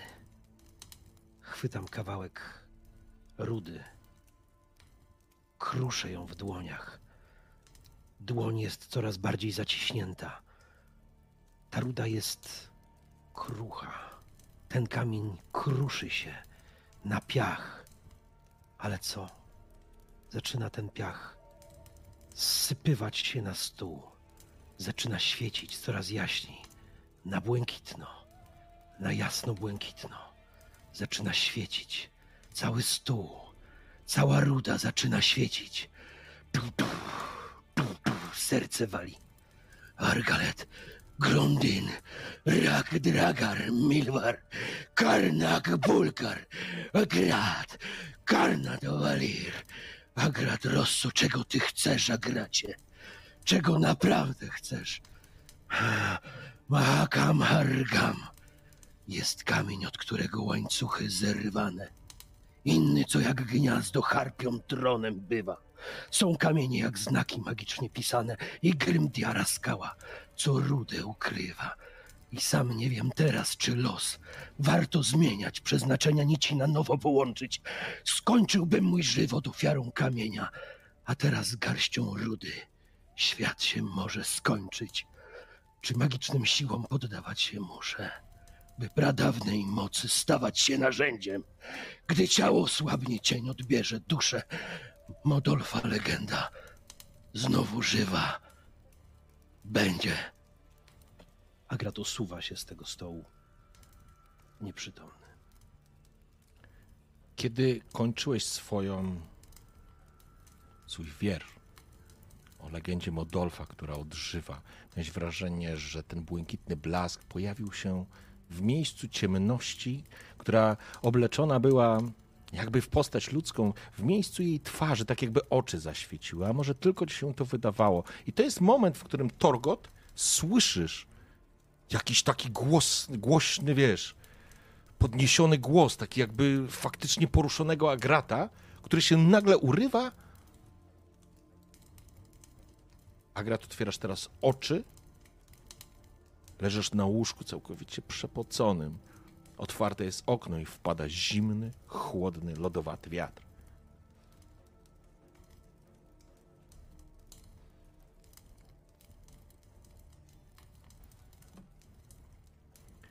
Rozumiem, że słyszałem, jak e, Tak. też upadł, tak? Nie, jak nie, nie, nie, usunął, nie, nie upadł, słyszałeś to- to upadku, nie słyszałeś. Słyszałeś tylko jego podniesiony głos, faktycznie taki podniesiony. No to pukam. Przejęty tym, co usłyszałem. Nagle przestałem myśleć o Ingrid, o toporze, o wszystkim. Raczej zacząłem zastanawiać się, czy wszystko u Agrata dobrze, czy może nie tylko ja miałem jakiś złe sny. Pukam do Agrata. Nie mocno, ale na tyle, by usłyszał, o ile wybudził się. I już nie śpi. Podnoszę się z podłogi powoli. Podchodzę do drzwi. Otwieram. W drzwiach stoi Torgot. Wyraźnie, może zaaferowany może trochę, zainteresowany, zaciekawiony, może trochę wystraszony. W takim opiekuńczym sensie. Przynajmniej tak wygląda jego twarz. Coś się stało. Ty mi powiedz, Agracie, czy coś się stało? Przechodziłem i słyszałem z twojej kwatery dosyć dziwaczne słowa. Jęki. To nie byłeś ty. Co się tutaj stało? Nic się nie stało, Torgocie. Wszystko jest w porządku. Chyba po prostu za mało alkoholu na wieczór.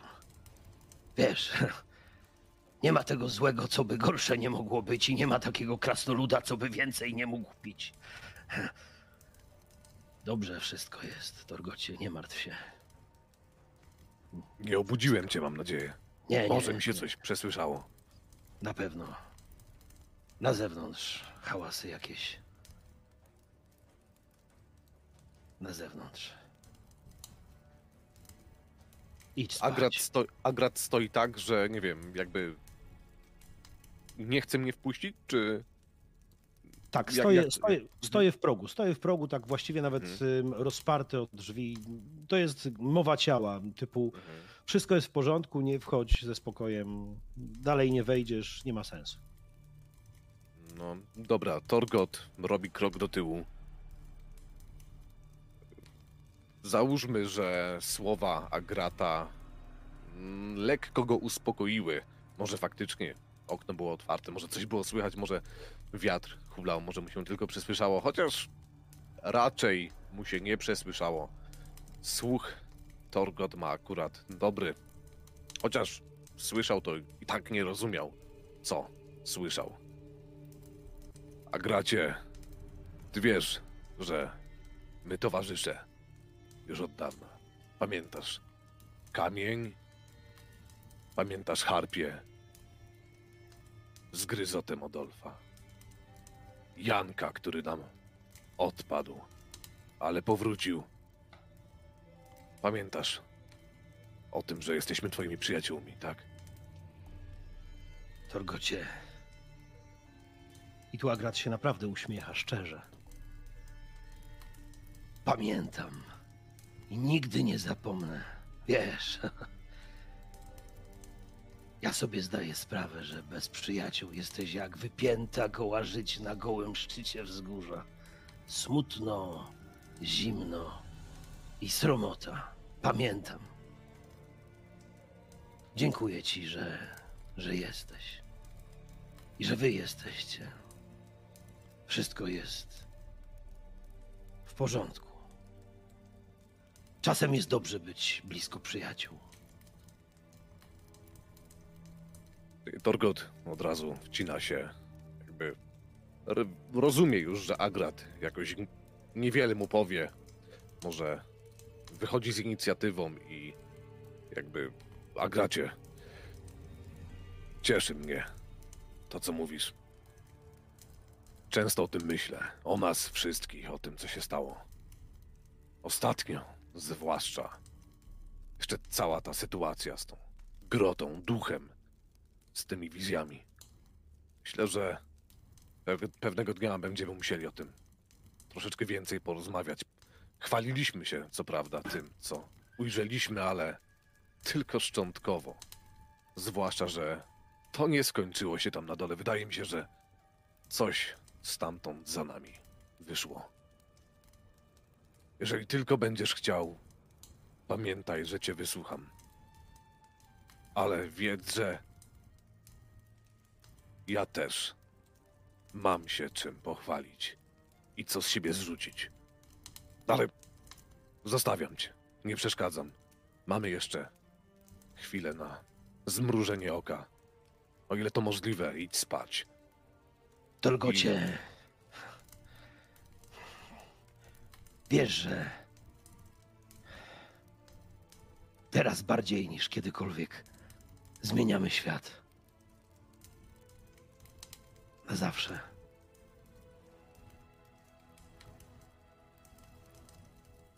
Wiesz o tym. Wiem.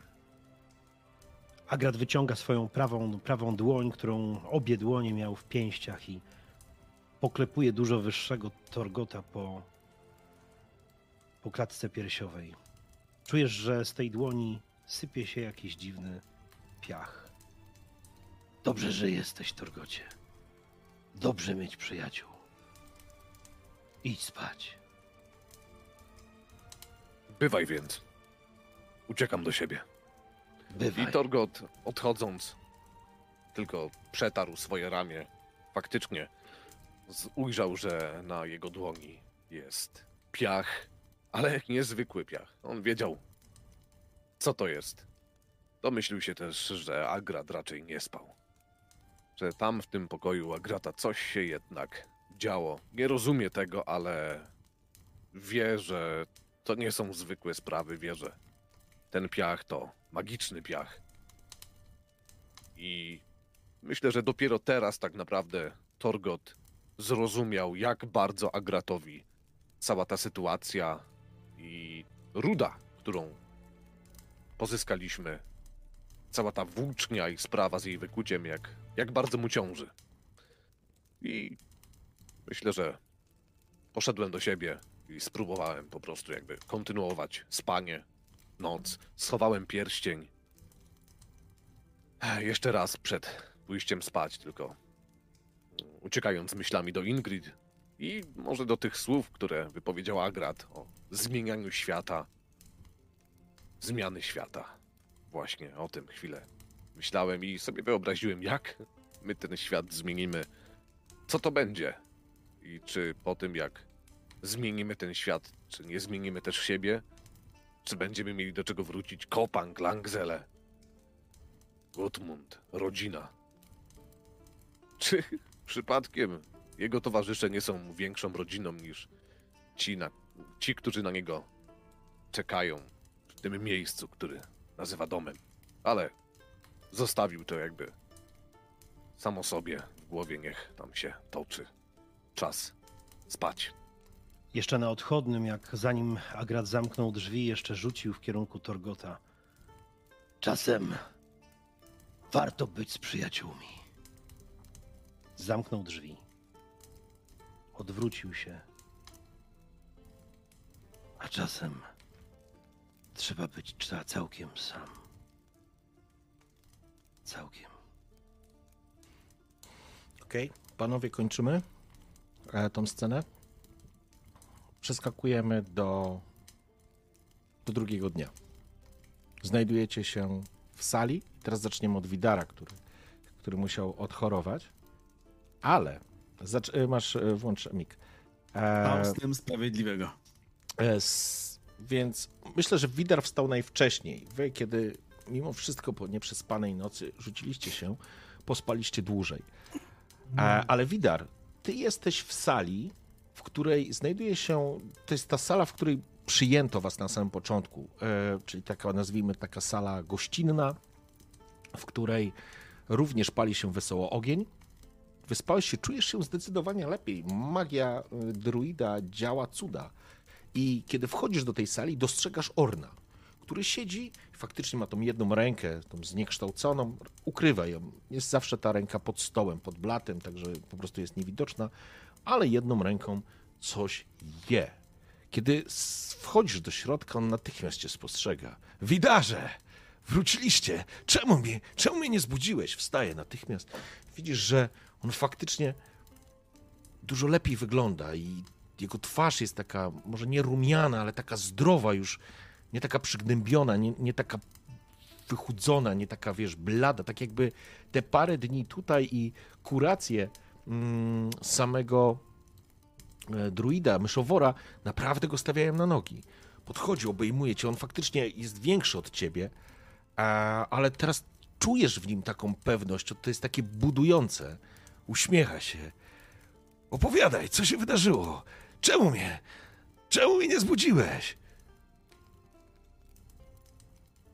Wider, mimo iż y, został niemal, niemal całkowicie pozbawiony emocji, to jednak to niemal jest dosyć znaczące. E, Już od jakiegoś czasu e, zauważył, że w, w obecności Orna, swojego brata, brata, którego tak naprawdę odebrano mu razem z jego wspomnieniami i który do niego teraz wrócił, chociaż wspomnienia nie wróciły, to już sam fakt tego, sam fakt tego, że, że ta dawna więź mm, tak brutalnie zerwana została, znów, e, z, znów powstała ta więź, e, pozytywnie wpływa na, na Widara, który zaczyna być krok po kroku bardziej ludzkim e, niż, e, niż można było tego oczekiwać po e, Neutmanie, po odmieńcu, po Wiedźminie. I nie mógł Widar ukryć radości z tego, że widzi swojego brata w dobrym zdrowiu i w bardzo dobrej kondycji.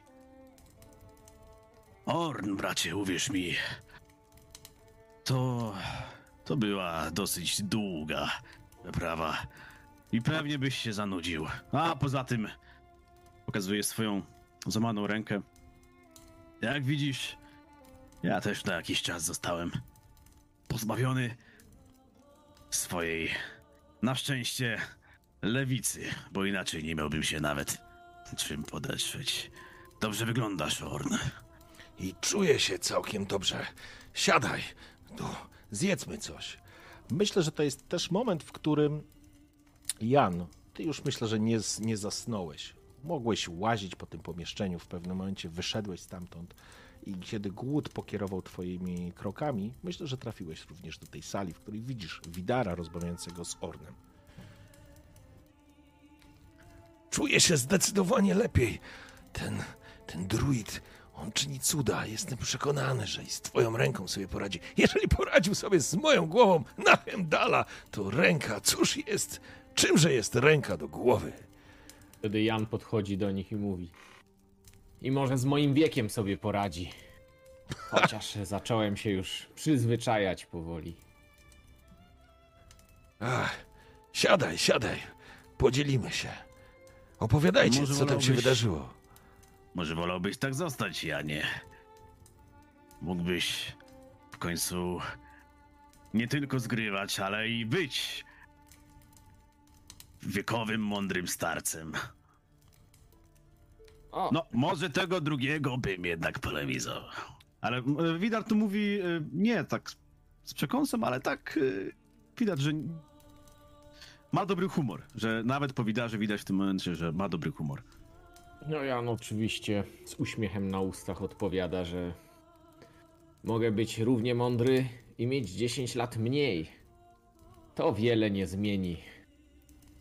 Ach, ale wyglądam teraz i tak o wiele gorzej niż, niż wczoraj. W ogóle się nie wyspałem. Straszne są te noce ostatnio dla mnie. E, W tej twierdzy chyba żadnej dobrze nie przespałem. Najpierw te kruki, i tajemnicza postać na moście. Widać, że ja tobie chyba nie opowiadałem.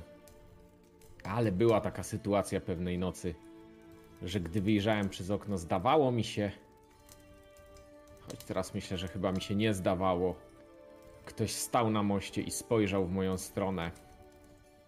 Na moście? Tak, tam. Tym, którym widać z naszych okien. Przechodziliśmy nim, idąc do jaskiń. Z pewnością mówisz o moście łączącej Kertrolde z, z, z wyspą. To dziwne. Czemu, Ornie? I, ty- no ale co, patrzył się na ciebie i co? Wtedy nie wydawało mi się to dziwne. Chociaż później, przechodząc przez samo, znów słyszałem te ptaki i przypomniały mi o tej, o tej nocy, a wczoraj również. Wyglądając już przez okno, słyszałem ptaki, ale postaci już nie widziałem. I jeszcze te sny. Nie wiem, widarze, co ty widziałeś w tej jaskini ale moja wizja była zupełnie niezrozumiała. Hmm. Jedno co pamiętam to Ogara o dwóch, e, o dwóch ogonach, a może rozdwojonym ogonie. Wczoraj również to samo. We śnie. O ogarze ci nie powiem, Janie, ale kruki i postać. Pamiętasz, jak wyglądała ta postać? Tego co pamiętam to było ciemno, zakapturzona w jakimś czarnym płaszczu. Ale. O, o, ogar? W sensie pies. Tak. No, coś jak pies. Z wielką paszczą. Zaraz, zaraz. E...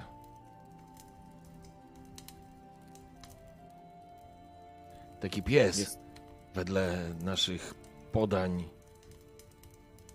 pilnuje bramy do świata umarłych. Pilnuje, aby żadne dusze z Nilfheimu nie wyszły. Hmm. A tak, racja. A, kto wie, może jeszcze trochę, a może byśmy go zobaczyli na własne oczy, Janie. Kto wie. A co do tej postaci w kapturze też. Obiło mi się coś kiedyś o uszy. Ornie, tak jak Oj. teraz o tym, o tym wspominasz i ty widarze, nie da się ukryć, że miałem, że prawie byłem już po drugiej stronie. Hmm. Może powinienem tam zostać. Może nie powinienem nigdy wracać z naszej poprzedniej wyprawy. Ach, Sam już nie wiem. durno ty pleciesz teraz. A myślałem, że jesteś starszy i bystrzejszy, a widzę, że to ten sam Jan z Nowigradu, którego znaliśmy. Ale trochę wyprzedzamy fakty. Orn, em, musisz wiedzieć, że w jaskiniach pod Kortrolde znaleźliśmy to, czego szukaliśmy. Znaleźliśmy materiał potrzebny do stworzenia tej włóczni Hemdala. To dobrze, to dobrze, bo Cerys mówiła, że to faktycznie mogłoby nam pomóc przekonać starszyznę Drummond. Może w ten sposób, i to jest moment, kiedy myślę, że i Agrat, i Torgot, mniej więcej w tym samym czasie, żebyśmy już się nie rozwlekali, po prostu trafiacie tam i widzicie, że przy stole siedzi Widar Orn, jest również Jan, dyskutują i faktycznie wchodzicie mniej więcej albo w tym samym momencie, albo to nie ma znaczenia. Ważne, żebyście już po prostu byli w tym samym miejscu i ta rozmowa trwa. Ja jeszcze tylko, zanim oni podejdą, Mhm. ja jeszcze tak do Orna, tak, tam, tak na boku. Orn, a jak się ten bies z waszych legend nazywał?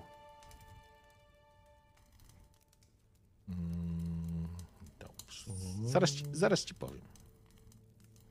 Dobra, Nie przygotowany?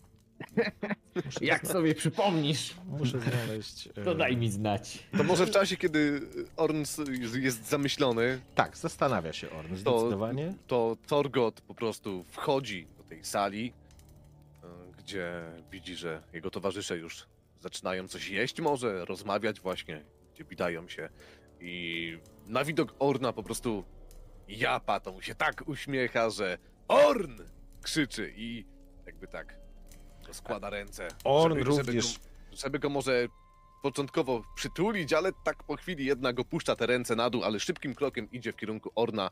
E, okazuje się, że w jednej z rąk, w lewej ręce trzyma swój dwuręczny topór. Dopiero teraz w sumie zauważył, że wziął go ze sobą. Po co? Po co? Całą resztę rzeczy zostawił u siebie w pokoju, a żałoba jednak jest tutaj z nim, ale nieważne. Orn, przyjacielu!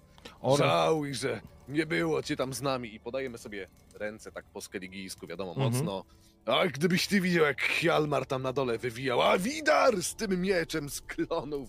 Oj, będziemy mieli co opowiadać. Dobrze wyglądasz, jak tam się czujesz, jak tam u ciebie? To, co już, e, żeby mm, jakby to widzicie wszyscy, że Orn zdecydowanie lepiej wygląda. E, rzuca tylko przez ramię, kiedy wita się z Torgotem. E, ogar, o którym mówiłeś, Janie, to. to Garmr. Mam nadzieję, że to nie jest to. Mam nadzieję, że. że nie ścigają cię piekielne ogary pani Nilfheimu. Nilfheimu, sorry. E, I na to również wchodzi Agrat. Siadacie, to znaczy zakładam, że rozmawiacie ze sobą, żebyśmy mogli trochę y, przeskoczyć. E, opowiadacie, rozumiem, to, co się mniej więcej wydarzyło w, na dole, e, w pieczarach. E, myślę, że po krótkim czasie, kiedy biesiadujecie, jecie śniadanie, wchodzi do pomieszczenia Cerys. Uśmiecha się, Witam panów. Słyszałam już od myszowora, że wam się udało, że udało wam się uzyskać rudę. To dobra informacja, na Modron Freje to dobra informacja. Może, może teraz się uda rozpocząć pracę. Jak pan myśli, panie krasnoludzie? Musi się udać, ale najpierw. Najpierw zjeść coś trzeba, siły trzeba mieć. Jak to zwykle głodny niedźwiedź nie tańczy. Macie tu coś do jedzenia, gdzie jest? Coś, co można pożyć w kawałku jednym najlepiej. E, spoglądasz, e, spoglądacie się na Agrata i wszyscy odnotowujecie, że jakby chyba, chyba się wyspał i chyba się lepiej czuje, bo tak jakiś e, żywszy. E, ale siadaj jedzcie, ja już jestem po śniadaniu, a tutaj zaraz na pewno służba przynosi jakieś dodatkowe mięsiwa i tak dalej. Musimy porozmawiać. Rada Jarlów to kwestia dni. Już są w drodze. Powinniśmy ustalić dokładną strategię. Musimy nie tylko nie, nie pozwolić, aby to Lugos został obrany nowym królem Skaliga, ale także myślę, że byłby to dobry moment, aby pokazać, że to nie Lugos szalony jest prawowitym jarlem Drummond. W momencie, w którym y, ona weszła jakby do Mhm. tego pomieszczenia, w którym my jesteśmy, Torgot wstał i skinął głową. I wiem, że nie muszę tego robić, ona jest u siebie, ale jakby pokazałem jej właśnie ręką obok nas wolne miejsce. Tak jakby zachęcając ją, żeby nie siadała gdzieś dalej Mhm. przy swoim stole, ale żeby dosiadła się po prostu do nas. W porządku. Tak, siada, zdecydowanie siada, siada, dosiada się do was, spoglądając się i jakby rozpoczynając tą rozmowę z, z Ungwarem. E, tak, to jest niezwykle istotne, bo musicie wiedzieć, że bez względu na wszystko, bez względu na historię waszą, wskazuje na ciebie, Ungwarze i Orna, teraz prawowitym jarlem Drummond jest niestety Lugos. I dopóki Rada Starszych Drummond nie obierze nowego, on będzie oficjalnie przewodził i głosował. Można to zmienić tylko na dwa sposoby. Albo przekonacie Radę Starszych Drummond, Radę, czyli ma na myśli tak naprawdę głowy rodów, które składają się na jeden klan Drummond. Drummond jest jakby klanem, ale w ramach tego klanu jest kilka rodzin, które tak naprawdę tworzy ten klan. Albo, albo Orn wyzwie Lugosa do walki.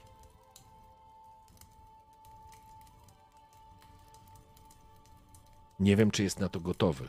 Bez urazy. Ale widzę, że myszowór czyni cuda, ale musicie sami to określić i, i nie możesz tego zrobić tu i teraz, kiedy rozpocznie się Ting. Włos z głowy uczestnikowi spaść nie może.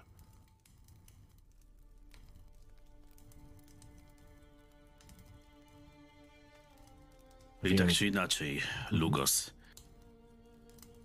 będzie na Tingu jako przywódca Drummond.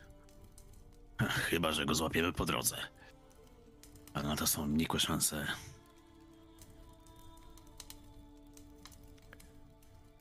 Raczej tak. Więc tak naprawdę będziecie występować jako rodzina klanu Drummond. Jedna z rodzin. Spadkobiercy Gauta Bojaźliwego. I ty, pokazuje na Orna, ty potrzebujesz rady. Ja mam swoją radę. To jest moja rada. Musisz oficjalnie to ogłosić. Więc tak będzie. Jan, Agrat, mój brat, ale to więzy krwi. I Torgot. To jest moja rada. To jest początek nowego klanu Drummond. Jeśli tylko się zgodzicie.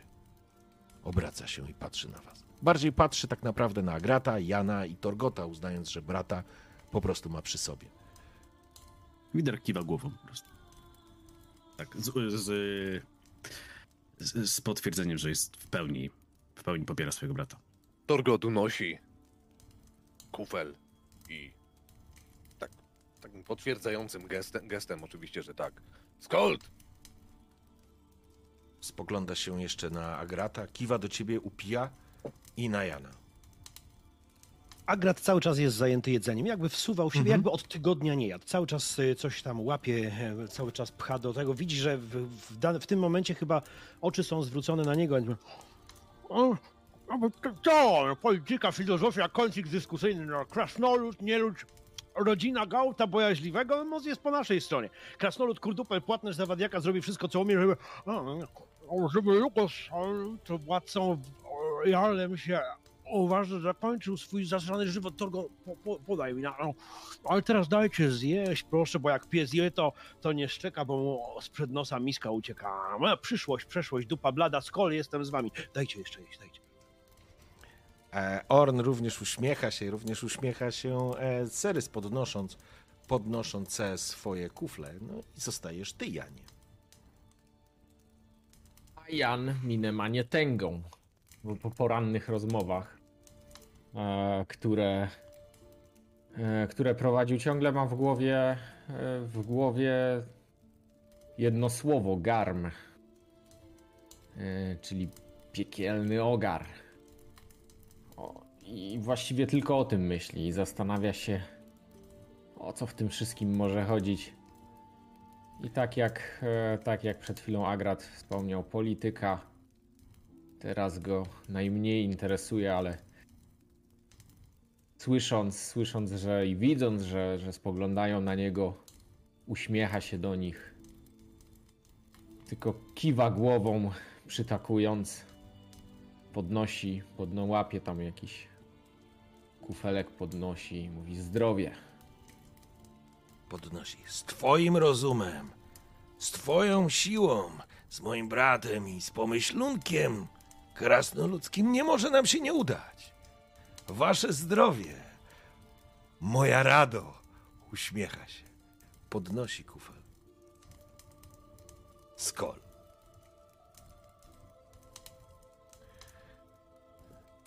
Cieszę się, że doszliście do porozumienia. A teraz wam przedstawię, jak wyglą- wygląda podział polityczny. Zakładając, że Lugos zgłosi swoją kandydaturę i zakładając, że jedzie tu pod masztami Tordaroch i Dimun, ma już dwa głosy. Mój ojciec, choć niechętnie, również zgłasza swoją kandydaturę, ale to traktujmy jako kontrofertę wobec wobec Lugosa. Klan Turseach. To ciekawe, ale zakładamy, że Birna i Swen- Swenrich poprą Kracha. Bran, w końcu inaczej, Krach dla Brana to siostrzeniec. Jedynie tak naprawdę i naprawdę nie oceniajcie tego jako gierki politycznej. Jedynie Krach może się przeciwstawić Lugosowi. Zakładając, że Tjurseach będzie za nami, no i oczywiście Donar al-Hindar, czyli Hej Mei, również poprą Kracha, a poprą, bo z Hindarem, z Donarem mamy bardzo dobre i długie relacje. Kluczowym głosem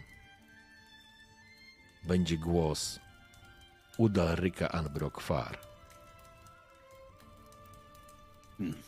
I żeby... Torgocie, wygląda na to, że twój klan będzie decydować o, o tym, kto zostanie przyszłym królem. No, na to wygląda. Widarze. Na to wygląda. I Torgot wcale nie wygląda teraz na pocieszonego, raczej niepewnego, zaniepokojonego. I uciekając tak naprawdę od tych myśli, zaczepia jeszcze Jana. E, Zauważył też przed chwilą, że Janek był dosyć taki zamyślony i podchodząc tutaj i zaczepiając Orna słyszał imię pewnego ogara.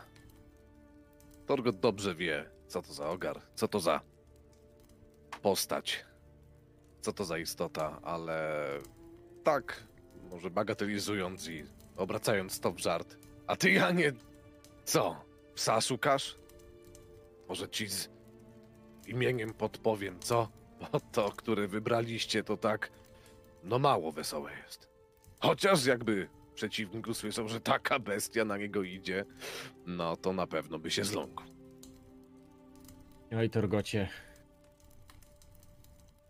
Nie szukam i mam nadzieję, że on również mnie nie znajdzie.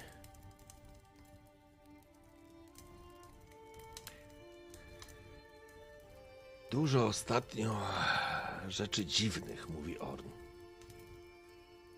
Ale taki czas.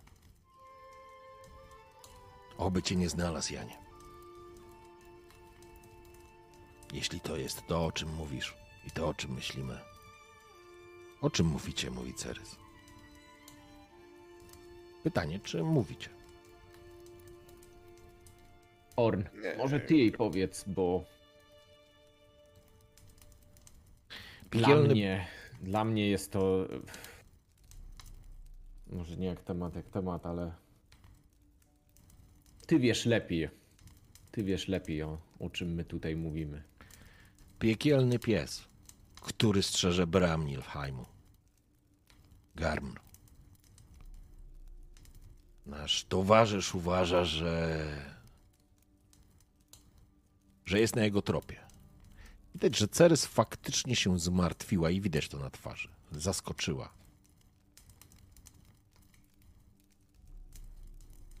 My na Skellige, ja nie wierzymy. Wierzymy w mity, wierzymy w legendy. Są elementem naszego życia. Nie należy lekceważyć tych legend. Więc miej na siebie baczenie i. I obiecuję, że złożę do Modron Frey modły, aby cię ochroniła. Nie wiem, czy to możliwe, jeżeli to faktycznie jest to bestia. A może. Może przesadzacie. Oby. Może to był tylko sen. Nie zamartwiaj się na zapas, staruszku. Prawie przekroczyliśmy przecież bramy Helheimu. Jeżeli piekielne ogary przyjdą i tutaj, będziemy mieć dla nich to, co na Skellige najlepsze. Stal i krew. Torgot wtrącił, podnosząc kufel. A, lepiej one do nas, niż my do nich. Skol.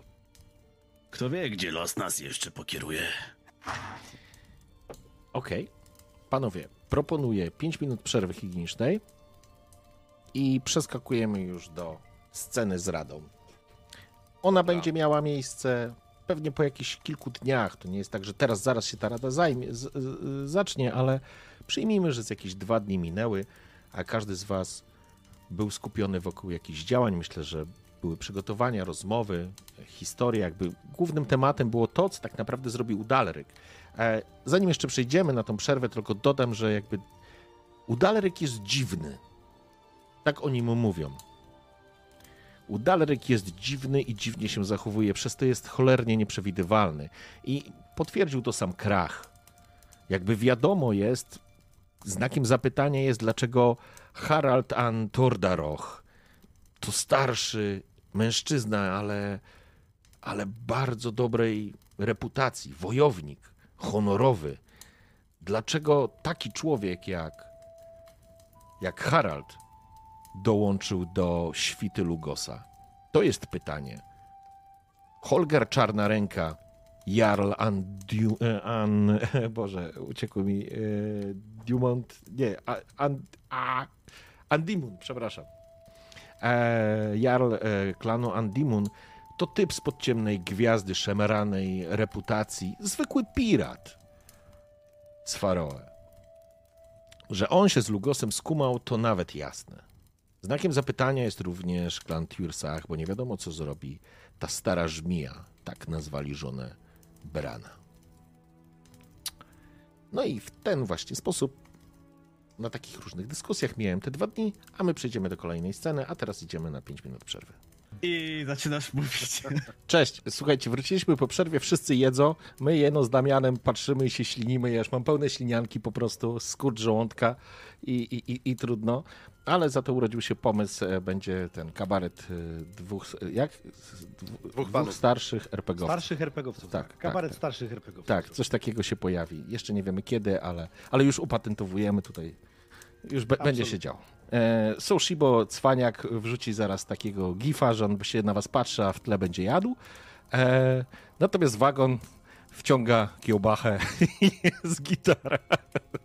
Dobra, słuchajcie, e, ja zacznę. Ja zacznę, bo e, dzisiaj musimy, e, chciałbym przeskoczyć teraz do kolejnego elementu. A mianowicie, szanowni, wyłączymy już to ognisko. I wejdziemy. Dobrze, niech sobie to leci. O, to niech sobie leci. Minęły, minęło kilka dni. To był czas, kiedy Ungwar, czyli Widar, rehabilitowałeś rękę, ale wraz z pomocą e, myszowora naprawdę magia czyni cuda.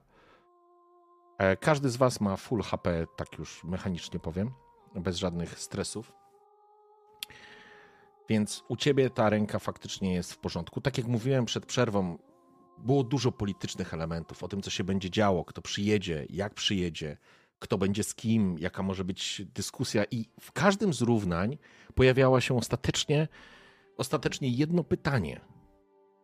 Co będzie z Udalrykiem? Za kim zagłosuje Udalryk? Jest totalnie i absolutnie totalną niewiadomą. Agrat, myślę, że ten humor trochę ci się, trochę ci się, może to zależy od ciebie, absolutnie nie będę y, narzucał. Sam decydujesz, co się dzieje, ale jedna rzecz.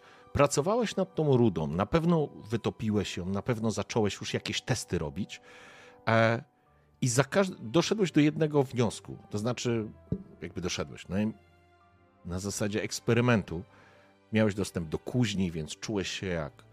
Dobrze się czułeś, myślę. Ale to, do czego doszedłeś, to fakt, że ruda, którą, ten materiał, który przetopiłeś i zacząłeś z niego skorzystać jako surowca, on ci się rozpadał. On po prostu za każdym razem różne mechaniki, techniki, że tak powiem, przetapiania próbowałeś wykorzystywać jako krasnolud, jako, jako, jako rzemieślnik. Masz tą wiedzę i za każdym razem, kiedy uderzałeś w to młotem, żeby zacząć kuć, to się po prostu rozpadało ten materiał absolutnie nie zachowywał się jak coś, co mógłbyś użyć do stworzenia jakiejkolwiek broni. I myślę, że był jeden wątek, chciałbym przeskoczyć, nie, zostawię was po prostu z informacjami, jak pozwolicie, nie będziemy już odgrywać poszczególnych scen, bo, bo już mamy w pół do 11, ja chciałbym pchnąć parę rzeczy. E, myślę, że miałeś tą rozmowę z, gdzieś może z myszoworem, albo może z kimś z, z, z tak, myślę, że tak, to był, mógłby być myszowór bardziej, ponieważ, ponieważ on już wie o tym i o projekcie, i o, mm, o samym schemacie, ale również to mógł być jeden z Twoich wniosków, którego potrzebowałeś potwierdzenia. Jedna rzecz, która nie dawała Ci w pewnym momencie spokoju, to te cholerne Skellige i ich i ich wizja tak naprawdę połączenie z legendami, z mitami, z tą całą ich historią, która, która czasami wygląda przaśnie, czasami jest niemożliwa, ale im dłużej tu jesteś, im dłużej zajmujesz się tym, czym się zajmujesz, tym bardziej namacalna się ona staje. Jesteś praktycznie przekonany, że materiał, który wypracowałeś i stworzyłeś sobie, on na normalnej kuźni nie ma szans na to, żeby zaczął funkcjonować. Pamiętasz i masz schemat przed sobą, więc doskonale wiesz, co wchodzi w skład e, włóczni Hemdala i w schemacie doskonale, e, doskonale jasno jest zapisane, że potrzebujesz drzewca i grotu i drzewiec musi zostać wykonany z błogosławionych drzew Frey na Shindarsfjall z Gaju Hindar, a sam grot musi zostać wykuty z, e, właśnie z, ze skały, z tego surowca, ze skały Grymdiara, którą macie, ale musi zostać wykuty w jaskini Tyra na Anskelik, czyli na wyspie rodzinnej, rodowej rodu Tiurseach. Mówi się, że tam właśnie Tyr wykuł broń, która pozwoliła mu pokonać potężnego niedźwiedzia. Ale to też kolejne mity. Ale jesteś przekonany, i myślę, że jeżeli gdzieś roz, była rozmowa z myszoworem, on mógł to potwierdzić. Nie jest absolutnie specjalistą, ale od metalurgii, ale, ale, ale to, to mogło cię utwierdzić w przekonaniu, że tak faktycznie e, może być. Przynajmniej jest to element, który warty jest sprawdzenia. Z kolei Jan, myślę, że Jan, ty byłeś tą osobą, która jak najbliżej była Orna i, i faktycznie, jeżeli tylko chciałeś, bo to jest pytanie, czy chciałeś, co robił Jan, więc ja ci tylko coś zaproponuję, a ty mi powiedz, czy to ci pasuje, czy, czy było inaczej.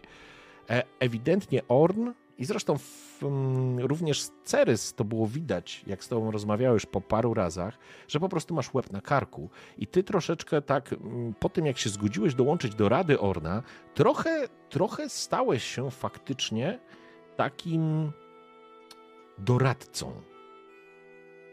Doradcą, który ty potrafisz analizować, potrafisz czytać ludzi, potrafisz znaleźć pewne rzeczy, które są dla ciebie istotne. To, że kłamiesz, oszukujesz i potrafisz to robić, to jest zupełnie inna historia i pomówienia. Mówienia. I złe języki ludzkie, ale, ale faktycznie możesz służyć dobrą radą i uwagami Ornowi i jakby bardzo łatwo znalazłeś się w tej roli. Ona jest dla ciebie taka naturalna. Ty się wtapiasz w nowe okoliczności po prostu jak kameleon. Potrafisz się znaleźć w danej sytuacji i faktycznie dosyć łatwo um, udało ci się wtopić w tą sytuację. Pytanie, czy czy, czy, czy jest dla ciebie to ok, czy chciałeś po prostu z tego wybrać? Co, no to ta decyzja już została podjęta dawno temu, nie? jeszcze przed tym, Mhm. przed przybyciem tutaj do, do tej twierdzy, że, że jakby no pomagamy, no więc Okej. Więc porządku. jak Jan, Jan jak najbardziej y, zawsze, jeśli misja jest taka, żeby pomóc, no to szuka jak. No, walki nie było, więc nie miał akurat okazji, Nie żeby było, tutaj y, W porządku. podpowiadać. Mhm. No, podpowie i w radzie. Okej, w porządku. E, Torgot. Torgot z kolei miałeś też czas na to, żeby po prostu e, podziałać, pofunkcjonować, trochę też złapać oddechu, ale przede wszystkim e, ty chyba byłeś najmniej spokojny z całej e, drużyny. Zwłaszcza, że jakby wybrzmiało to wielokrotnie, że no to od ciebie absolutnie jest niezależne, ale wygląda na to, że obecny Jarl Brokvar, An Brokvar będzie, będzie decydował. Tak naprawdę uświadomiłeś sobie, co to może oznaczać. Jak teoretycznie jeden głos, jaką może dać siłę i władzę w jednym momencie. Wchodzisz w przestrzeń, która, w której z kolei ty się nie czujesz komfortowo. Wiesz o tym, że wchodzisz w trochę w paszczę lwa, trochę w polityczne. Polityka jest dla ciebie w ogóle czymś, czym się nigdy nie zajmowałeś. A teraz? A teraz wygląda na to, że, że los chciał i wepchnął cię w takie, a nie inne, w taką, a nie inną sytuację i to jeszcze napiętnował cię tym, że sam jesteś ze Brok, z Anbrokfar. Sam nie jesteś pewien, jak się zachowasz wobec Jarla swojego rodu, wobec kogo będziesz Ale- lojalny. Mhm. Ale gdzieś tam po głowie Torgota chodzi myśl. W sumie dobrze wiem, kto jest Jarlem. Jakby interesuję się tym tematem. I jaki on jest. Słyszałem pogłoski. I tym bardziej niepokoję się. m, Bo tak delikatnie mówiąc, zdaję sobie sprawę z tego, że do normalnych to on nie należy. I jakby też liczę i cały czas rozmyślam nad tym, jak ja, będąc też Anwrokwar, mogę wpłynąć na niego może. Pomóc tutaj grupie, Mhm. żeby jednak jego głos był po naszej stronie. W porządku. To się działo w tak zwanym, to znaczy, mówię, to było kilka dni. A teraz, a teraz przejdźmy na. Przejdźmy do naszego spotkania. Znajdujecie się w potężnej sali. W niej jeszcze nie byliście. To jest sala, która wypełnia, która jest w stanie pomieścić kilkadziesiąt to na pewno, ale z kilkaset osób. Rozpalona, świąteczna, rozświetlona, stół zastawiony, jest wielka uczta. Siedzicie przy jednym ze stołów, który jest przeznaczony dla stołów gości, ale jakby cały układ i podział miejsc jest niezwykle ważny i istotny. Oczywiście gospodarzem spotkania jest Jarl. Ancrate, Krach, który, jak na gospodarza przystało, wita wszystkich gości, którzy się pojawiają. A pojawiają się najznamienitsze i najważniejsze osoby wysp Skellige. Pierwsza osoba, która dotarła do Kertrolde, to Uldaryk. Udalryk, przepraszam. Największa zagadka i znak zapytania w całej tej układance. Udalryk wszedł w towarzystwie jednego z mężczyzn, jednego mężczyzny, ubrany oczywiście w dworskie szaty, to znaczy dworskie. One są, widać, że są takie, nazwijmy to, mm, paradne. Widać znaki i symbole, które natychmiast Torgot poznajesz. Znaki, te dwa ptaki, które są na jego ramionach. Jego oczy są niezwykle ruchliwe, powiedziałbym. Zachowuje się dziwnie, bo to widać nawet w jego sposobie poruszania się. On idzie, on się tylko rozgląda. przerwę. On Mhm. ma jedno oko czy dwa? E, Udalryk, e, Udalryk, mój drogi, ma dwa. Nie ma wyłupionego oka. Ale nie zmienia to faktu, że sama jego postawa i pozycja i w ogóle sylwetka, on nie jest jakimś wielkim, potężnym mężczyzną. Co więcej, raczej, raczej właśnie wygląda na zupełne przeciwieństwo wielkiego jarla. Jest raczej taki przykurczony, podejrzliwy, rozgląda się, te jego oczy są rozbiegane. Obok niego idzie mężczyzna, który e, Cerys mogła wam podpowiedzieć, że przyjedzie z pewnością, pojawi się w towarzystwie swojego doradcy. Mówią na niego Hjord, podobno go nim się opiekował. Nim i jego bratem, który niestety, który nie żyje. Mieli wypadek, zły los spotkał Akiego. I to był moment, w którym ty, Torgot, włosy stanęły ci dęba na karku, bo ty słyszałeś i widziałeś coś, co mógłbyś z tym połączyć. Natomiast to, co dostrzegacie razem z tą, z tym reprezentacją, nazwijmy, Ann to właśnie bardzo dziwny mężczyzna, który ukradkowo coś mówi, nerwowo. Nie wzbudza, absolu- absolutnie nie wzbudza em, zaufania. I oczywiście siada przy stole. Następnie do pomieszczenia wchodzi Lugos. Wchodzi wyprostowany, dumny. Jarl Drummond. Obok niego idzie mężczyzna, którego chyba jeszcze wcześniej nie widzieliście. Poczekajcie, bo coś mi się tutaj z muzyką pochrzaniło, a ja chciałem o to. E, obok niego idzie mężczyzna, którego wcześniej nie widzieliście, ale może słyszeliście i potraficie go skojarzyć. Ciemne włosy, ulizane, ciemna broda. Wygląda trochę jak łachmaniarz, powiedzielibyście. Poprawia włosy i widzicie, że ma taką czarną, poplamioną, taką jakby naznaczoną znamionami rękę. Spogląda się, uśmiechając, e, kokieteryjnie powiedziałbym w kierunku Cerys oraz e, samego Kracha. To z pewnością jest Holger Czarna Ręka. Jest również widoczne, że na jednym z, jedno oko pokryte jest bielmem. Obok niego idzie zupełnie przeciwieństwo e, Holgera. Idzie duży, postawny mężczyzna o bardzo długiej brodzie. Widać, że to kawał chłopa, ciemne, brązowe włosy opadają mu na ramiona, ale upstrzone są pasmami siwizny. Wokół niego idzie trzech mężczyzn, również rosłych wojowników. Słyszeliście o nich. To z pewnością jest Harald an Tordaroch. A ta trójka to nieodłączni jego wojowie Wilhelm, Wilfred i Wilmar. Oczywiście Harald zwany jest także Haraldem Psią Gębą, ale to już e, pozwalają sobie na to tylko równi jemu.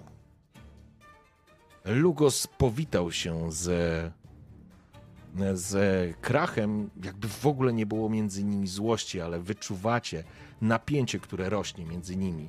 Dwaj najwięksi wrogowie tej, na, tej samej wyspie, na tej samej wyspie, na zasiadają przy stole. Później pojawił się jeszcze dodatkowo, to znaczy dodatkowo, pojawił się rzecz jasna również Donar Anhindar, czyli jarl klanu Heimei z Hindarsfjall. Mężczyzna najbardziej sędziwy, siwe włosy opadają mu na, na, na, na plecy, na, na ramiona, przepraszam, długa broda, wąsy skręcone w takie specyficzne i rzucające się w oczy e, warkoczyki. Zabrakło jedynie, przynajmniej na początku, przedstawicieli rodziny czy klanu Tursach, bo faktycznie w pewnym momencie również dotarła mm, Birna Tursach, wdowa po królu Branie i Swenrich, ich syn. Weszli i oczywiście z dużym uznaniem zostali przy, przywitani przez Kracha, po czym zasiedli do stołu. Lugos z pewnością zwrócił uwagę na was. To znaczy, na pewno poznał ciebie, Ungwarze, na 100%. I spojrzał się, zmrużył tylko oczy. Uśmiechnął się i chwycił kielich z winem. Rozpoczęła się uczta. Torgot, ty masz bardzo dziwne przeczucie. Kiedy zobaczyłeś u Delryka, poczułeś mocny ucisk gdzieś na wysokości klatki piersiowej, jakby było ci trudno oddychać. Jakby, jakbyś, jakby zaczęło cię irytować coś, jakby, jakby coś było po prostu nie tak i, i ty trudno ci było nad tym zapanować. Zaczęły, rozpoczęły się rozmowy. Witam wszystkich, szanowny, zebranych na Kertrolde. Nasza żałoba po królu Branie jeszcze się nie zakończyła, ale Skellige potrzebuje króla. Potrzebuje konunga. Musimy go wybrać spośród siebie. Sekunda, bo ja znowu jestem popularny przez e, na jakiś kurwa. O, dziewczynki przyszły, widzę, Tak. dobrze. E, Musisz mi kiedyś powiedzieć, co mam z tym, chłopaki. e, co ja mam z tym zrobić, żeby to się po prostu nie pojawiało, nie? E, Na bocie możesz, możesz bo, na- Nightbota możesz zaprogramować, żeby z automatu je kasował. Ty, no właśnie ja mam niby coś takiego i, i chyba nie do końca e, działa. No dobra, no nieważne. W każdym razie Dziewczynek. wr- wracając, e, Krach oczywiście powitał. Wiem, że wszyscy są zmęczeni po podróży, nie będziemy tutaj zbyt długo tego przewlekać. Jasne, Krachu. Taka jest twoja gościnność, odzywa się Lugos. Dlaczego mamy się spieszyć? Tak rzadko widzimy się w tak szlachetnym gronie. Chyba wiadomo jest, do czego to zmierza. Krach spogląda się na niego. Co chcesz przez to powiedzieć, Lugosie? Jak to co? Określmy, kto w ogóle startuje w te szranki. Przecież to jest najważniejsze. Dobrze zatem. Pytam się was tu zebranych. Kogo wskażecie na swojego kandydata? Odzywa się Holger, który sięga po, odrywa kawałek jakiegoś łódka. Lugos Andrumont. Lugos szczerzy się podnosząc kielich. Dru- totalne przeciwieństwo Holgera, czyli Harald i ich, jego trzej, że tak powiem, wojowie, którzy siedzą nieopodal. On absolutnie nie pasuje do tej układanki i wszyscy patrzycie się. Zresztą Ceres wam też mówiła, myślę, że nawet obok was może być i jakby komentując na bieżąco, że, że, faktycznie, że faktycznie to jest... e, On tak nie pasuje, nie? Że dlaczego on tak... Co, co go trzyma przy Lugosie? I widać, że Harald on nie robi tego tak jak od niechcenia, jak Holger, tylko jakby się na chwilę zastanowił, po czym zwraca się do Kracha. Mój głos ma klan Andrumont. Lugos Andrumont. Lugos uśmiecha się. Spogląda się z kolei na Birnę i Swinridge'a. Birna ma ściśnięte usta i wygląda na bardzo mało dostępną kobietę.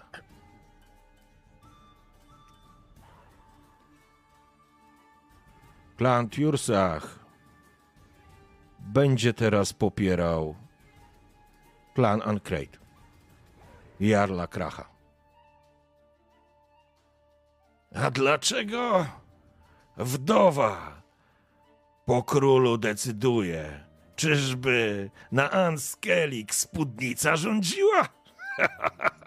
Uśmiecha się Lugos. Swenrich jest absolutnie zbity z pantałyką. Nie jest to oponent dla kogoś takiego jak Lugos. Trochę szacunku dla królowej, dla byłej królowej krachu. Po to się spotkaliśmy, aby to ustalić. Swenrich.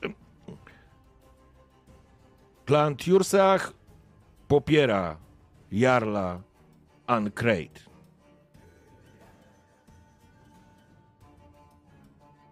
Później przejście jest na Hindara. Hindar spogląda na Lugosa. Spluwa resztką jakiegoś tam, jakichś gnatów. Hej May głosuje na Jarla Ancrate. Lugos się uśmiecha. Więc mamy remis. Udalryku, ty decydujesz. Któż będzie nowym królem Skellige? Widzicie, wszyscy są skupieni teraz tak naprawdę na Udalryku, który spogląda się podejrzliwie we wszystkie strony.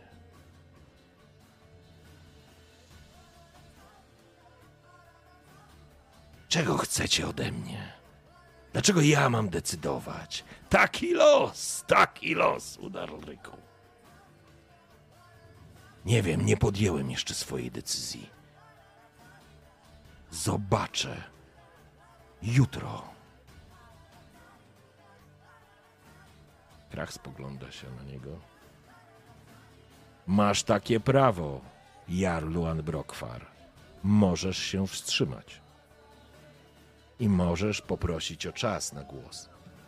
Tak też będzie.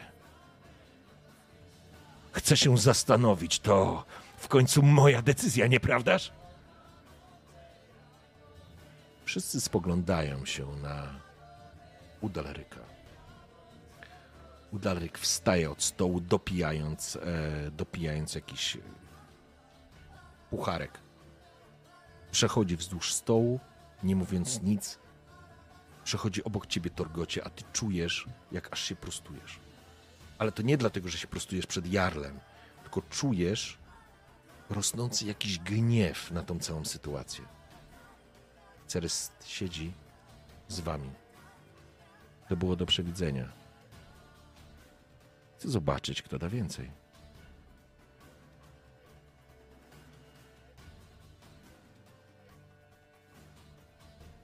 Że To tak rozumiem, że powiem. kto na kogo zagłosował teraz, żebyśmy mieli to ogarnięte? Ja jestem Jeszcze raz? doradcą, ja powtórzę, bo Mhm. Dobra, dobra. Turgocie, gdzie byłeś myślami? Z kiełbasą. Harald i Holger oczywiście byli za Lugosem, Mhm. a wdowa po byłym królu i Donar za Ancrate krachem i został nam oczywiście Udalryk. Jakieś pomysły, jak z nim rozmawiać? Mm, Nie wygląda na takiego, któremu zależałoby na zaszczytach czy złocie. Właściwie to. No ten człowiek w ogóle nie wygląda. eh, Że tak powiem, Torgocie, inaczej sobie wyobrażałem twojego jarla. Choć słyszałeś to i owo, że. Ponoć ma nie po kolei, nie tą klepkę, nie w tym miejscu. Tego się obawiałem, widarze. Tego Tacy się ludzie są obawiałem. najbardziej nieprzewidywalni. Nie wiemy, czego może chcieć. Może.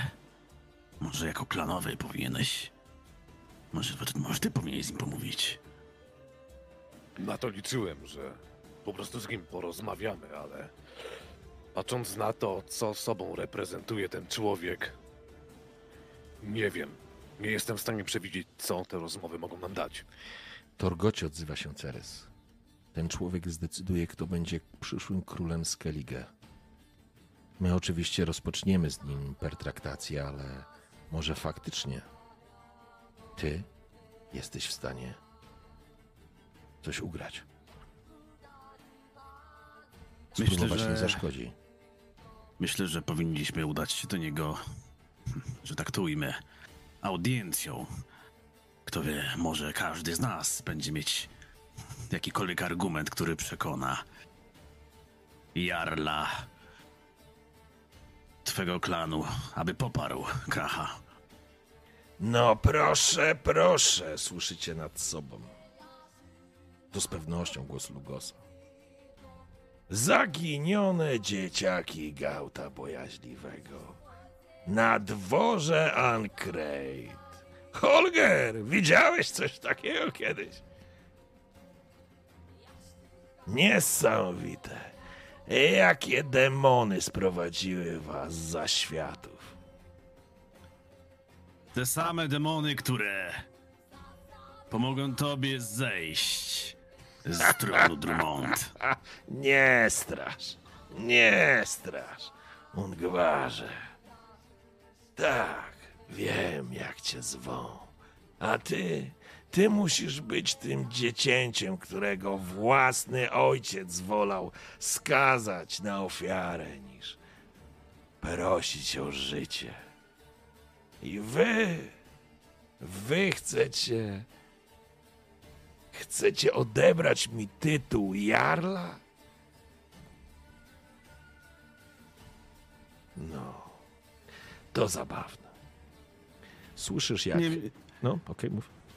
nie mniej zabawne niż oddawanie dzieci na morzu w ręce Wiedźminów. I w tym momencie e, Ungwar dobrze sobie zdawał sprawę, że wizja, którą zobaczył, mogła być Mhm. wizją z jego przeszłości, bo nie mógł tego połączyć z niczym innym. Jako, że widział w niej Lugosa, uznał, że jeżeli ma już zagrać jakąś kartą, to zagra właśnie tą. Lugos spogląda się na ciebie. W ręce Wiedźminów na środku morza. Widać, że pomieszały ci w głowie te diabelskie rytuały, Noitmanie.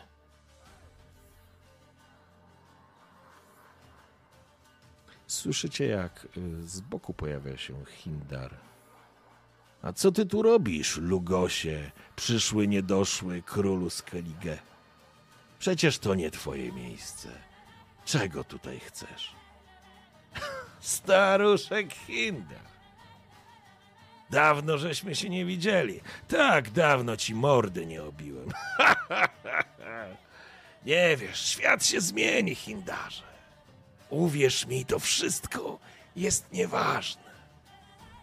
Hindar spogląda się na niego tylko mrużąc oczy. A dzieciom Gauta mogę życzyć jedynie wszystkiego dobrego. Niech wam się wiedzie. Niech wam się wiedzie. Po czym chciałbym, żebyście rzucili na spostrzegawczość. Wszyscy. A ja mam takie pytanie, ten Tak. Hindar to y, jest ten Donar. E, Donar, przepraszam, Donar na Hindar, dokładnie, sorry. Zawsze przekręcam ten. Ja już nie ogarniam tych nazw. Też postaram się ich nie wymawiać. Trzeba nadrobić Wiedźmina 3. Turgocie, Turgocie, dlatego ja tu jestem od myślenia. Niech tak zostanie. Okej? Tak, tak was uczyłem. Chociaż Tak. Rzucajcie pamiętający imion z Jarlów, Jeszcze raz? mówię Torgot gubiący się w imionach Jarlów, będący Skelligijczykiem. Słuchaj, Możesz, masz, masz ściągę, masz ściągę w tym PDF-ie z tym, z, z, z prologiem swojej postaci. Agrat rzucił i reszta rzuca na Ja mam spostrzegawczość. też rzucić na spostrzegawczość, Tak. tak? O Jezu. Ja muszę wejść na rola, bo obawiam się, że nie jestem zalogowany. Mm, Ja nie mam. Możecie ja forsować, jak mogę chcecie. for- forsować? Tak. Tak. Bo rzuty, rzuty to mamy piękne. Dobra, udało się. Ja też Okej. bym sforsował. Dobra. A, tu już mam, mam, O. mam, mam, mam. Z pechem. Żółka szczeliła Mhm. w boku. Spostrzegawczość, tak? Tak.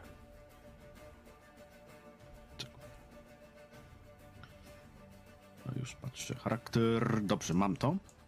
Sprawność, spostrzegawczość tu jest. Tyk. Okej, czyli Widar, e, myślę, że jesteś tak zaabsorbowany rozmową z Lugosem, ze swoim jakby śmiertelnym wrogiem, że mogłeś tego nawet nie zauważyć, że ta wściekłość gdzieś tam w tobie brała. Orn siedział obok i próbował cię uspokajać, jakby nie zareagując na zaczepki. Agrat, Jan i Torgot, jedną rzecz zauważyliście. Lugos, który być może próbował doprowadzić do jakiegoś, wyprowadzić z równowagi e, synów Gauta, ostatecznie jak wychodził, jednoznacznie spojrzał się na jednego z was. I był to Agrat. I to był ułamek sekundy, był to moment, ale jego wzrok po prostu zawisł na tobie, Agracie, o tą sekundę za długo, żebyście nie zdali sobie z tego sprawy, że on faktycznie zwrócił na, na ciebie swoją uwagę. Po czym obrócił się, uśmiechnął jeszcze raz do Donara. Napijmy się.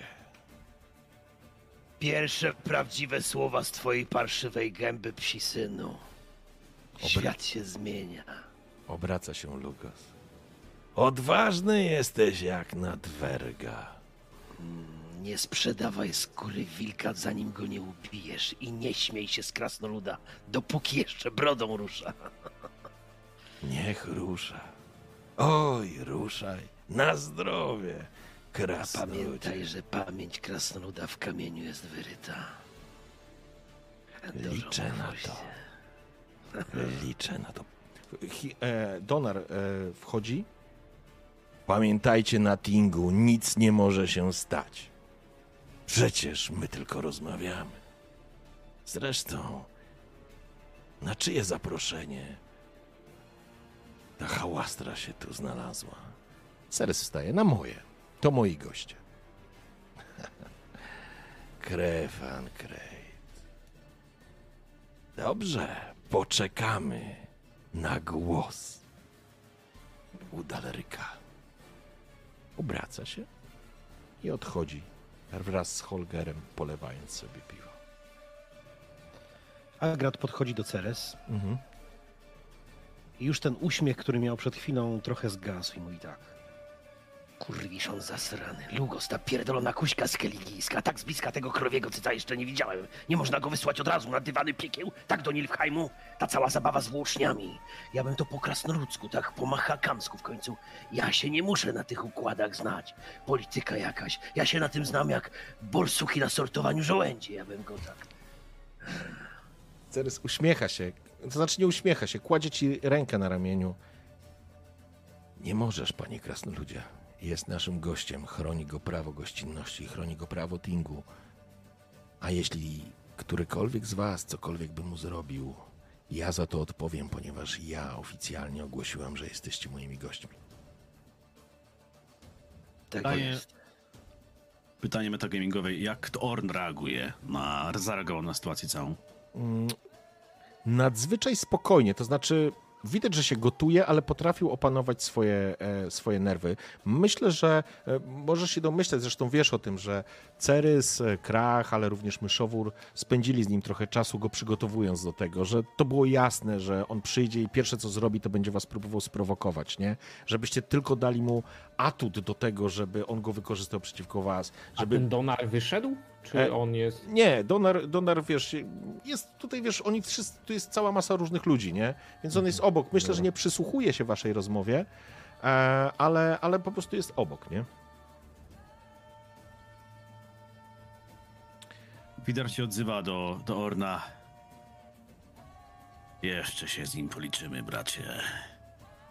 O nie demony Myrhogu, ale moje oblicze będzie ostatnim, które zobaczy. A może, a może go wyzwę tu i teraz. Spotkamy się po zakończeniu tingu i Wiem, że chciałbyś to zrobić, ale to Lugos szalony. Nie mówię, żebyś go pokonał, ale jestem pewien, że- żebyś go nie pokonał, ale jestem pewien, że ma parę brudnych sztuczek w zanadrzu. I tylko czeka, żeby je wykorzystać. Teraz Torgot do Orna. Oczywiście no, siedzimy razem. Mhm. Ornie, nawet gdybyś go wyzwał, to i tak stanąłbym za ciebie. twoje życie i to, żebyś tu był, jest teraz najważniejsze. I wtedy Jan zwraca się do Cerys. Odwraca się do niej, podchodzi. Pani, Udalryk nie bez powodu dał sobie, a właściwie nam, dzień na podjęcie decyzji. Czego mógłby od nas chcieć? Jest w idealnej pozycji. Może żądać tak naprawdę wszystkiego. Zarówno Ale- od Tancred, Ale o coś musi mu chodzić. Trzeba z nim o tym porozmawiać. Dlatego spogląda się jeszcze raz na Torgota. Zanim złożymy mu ofertę jako Ancrate, może jesteście w stanie nam pomóc. Bo Lugos albo już to zrobił, albo to zrobi. Mogę się udać do niego sam. Możemy też iść jako rada. I tak, i tak. Chciałbym, żeby decyzja była nasza, wspólna. Orn, co o tym myślisz? W tej sytuacji, tak jak słyszę nie wyobrażam sobie, że Lugos stanie na czele wszystkich wysp Skellige. Musimy spróbować. To dwie głowy to nie jedna, a nas jest pięciu. Udajmy się na spotkanie z decydentem i doprowadźmy w końcu do wymazania z tej parszywej luksowej gęby tego uśmieszku. Okej? W porządku. Więc ruszacie, rozumiem, do komnat u Dlaryka. Tak. W porządku. Zostawiacie ucztę i opuszczacie pomieszczenie. Ruszacie do pokoju dla Ryka. Mija, mijacie. Myślę, że Ceres wam mogła wskazać. Ona nie będzie w nich uczestniczyć ze względu na polityczną wagę tej rozmowy. Zostawia was przed komnatą u. Niech wam Modron Freja błogosławi. Pamiętajcie, nie może się nikomu stać krzywda.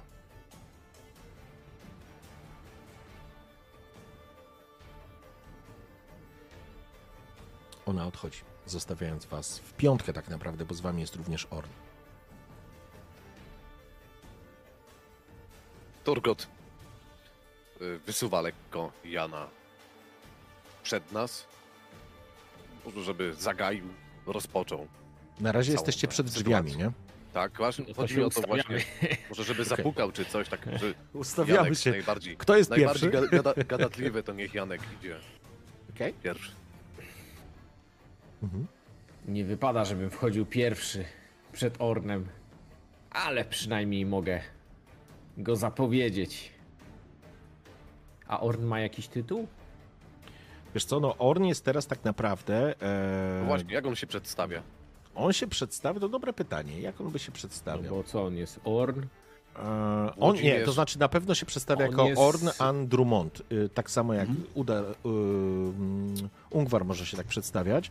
Natomiast wygląda na to, że jest głową e, rodziny mm, spadkobierców Gauta, więc musielibyśmy po prostu. Tak, będziemy po prostu traktować, że syn. Drummond, Jan tak. Puka. Na zasadzie, na zasadzie y, już, już wiem, Orn syn Gauta i to będzie, i to będzie jego formalne przedstawienie jako Andrumont, nie? Dobra, Krzysztof, Krzysztof No to ja- Jerzyna ze Szczecina. Pukam. Mhm. Nawet nie czekam, co tam mówią, bo to wiadomo, to nie, Okej. to nie sypialnia. Wchodzę W porządku? i mówię Orn, syn Gauta. I puszczam Orna przodem, a za nim wchodzi reszta Torgot. naszej dzielnej gomat, Torgot i reszta. Torgot i reszta. No i udaję się zaraz obok Orna Okej, w porządku. w stronę Udalryka. On wchodzi, no wchodzicie wszyscy tak naprawdę, wchodzicie w pięciu do tego pomieszczenia, do tej komnaty. Udarryk siedzi zgarbiony przy stole, ma nóż wbity jakiś w jakiegoś tam kurczaka czy w jakąś pieczeń, kielich z winem, pali się, e, pali się kominek. spogląda się na was.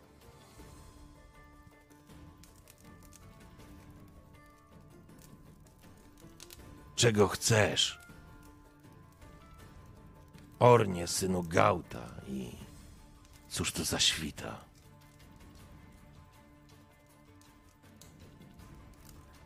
I w ten sposób wystawiłeś tak naprawdę Orna i No trochę Orna wystawiłem. No. Orn w tym No, momencie niespecjalnie wie, co odpowiedzieć i to wyczuwasz, Jan. Po prostu łapiesz to, nie? Że jakby nie więc miało być tak, nie? Wychodzę przed niego Mhm.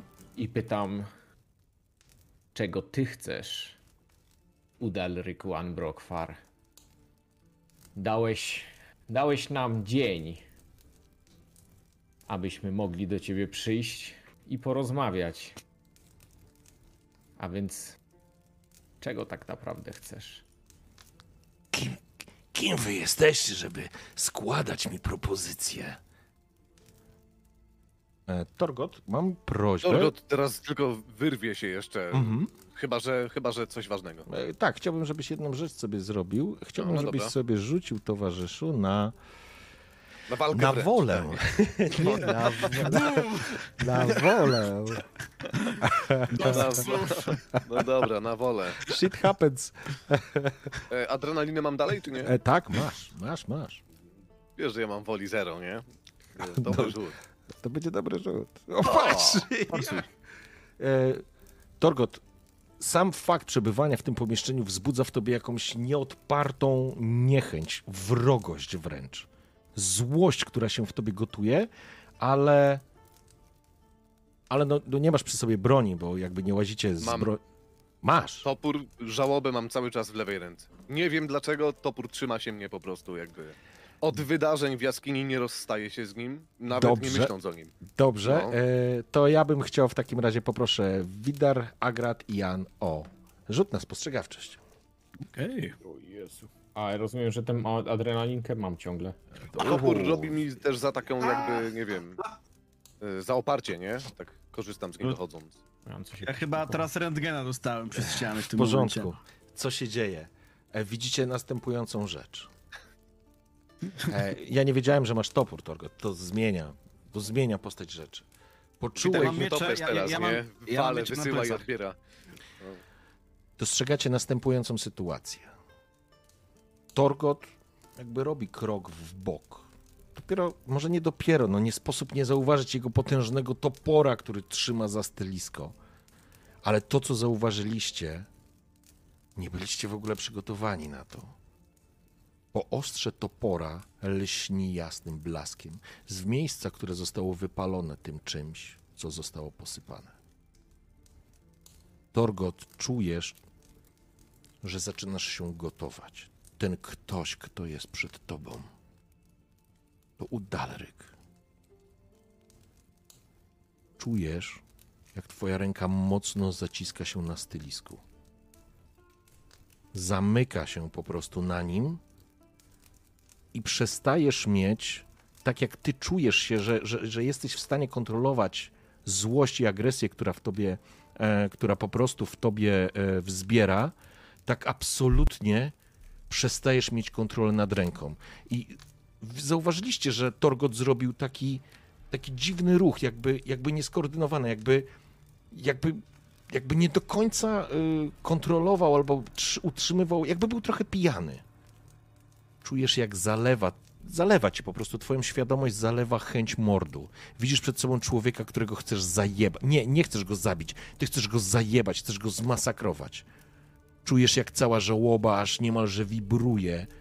Czujesz, że żałoba, ona chce krwi Udleryka. Tu i teraz. I nie możesz tego opanować. Chciałbyś, ale przestajesz kontrolować to, co ty robisz, i zaczyna tobą kontrolować, ciebie zaczyna kontrolować żałoba. No i chciałbym, żebyś to odegrał. Chciałbym się tylko dowiedzieć, e, jeżeli mam to odegrać, czy jestem w stanie się jakby pohamować, przeciwstawić temu, co się dzieje, czy to się musi skończyć walką? bo E, nie wiem jak to. to jakby, znaczy tak. W jakim kierunku to pchnąć. e, byłbyś w stanie, to znaczy nie miałem świadomości, że masz przy sobie żałobę, ale masz tą żałobę i okej, Mhm. rzuciłeś ten rzut, on ci wszedł, więc ty masz świadomość tego, ale nie jesteś w stanie powstrzymać nienawiści do tego człowieka. Twój umysł zalewa świadomość i zresztą świadomość, jak świadomość, ty słyszysz, ty słyszysz głos. Dlaczego to zrobili? Dlaczego ich zabili? Dowiesz się wszystkiego od lodowej wiedźmy. Ona zna wszystkie tajemnice. A teraz przekuj swoją żałobę w tą broń. Czujesz, że ból, złość, bezsilność właśnie znajduje upust.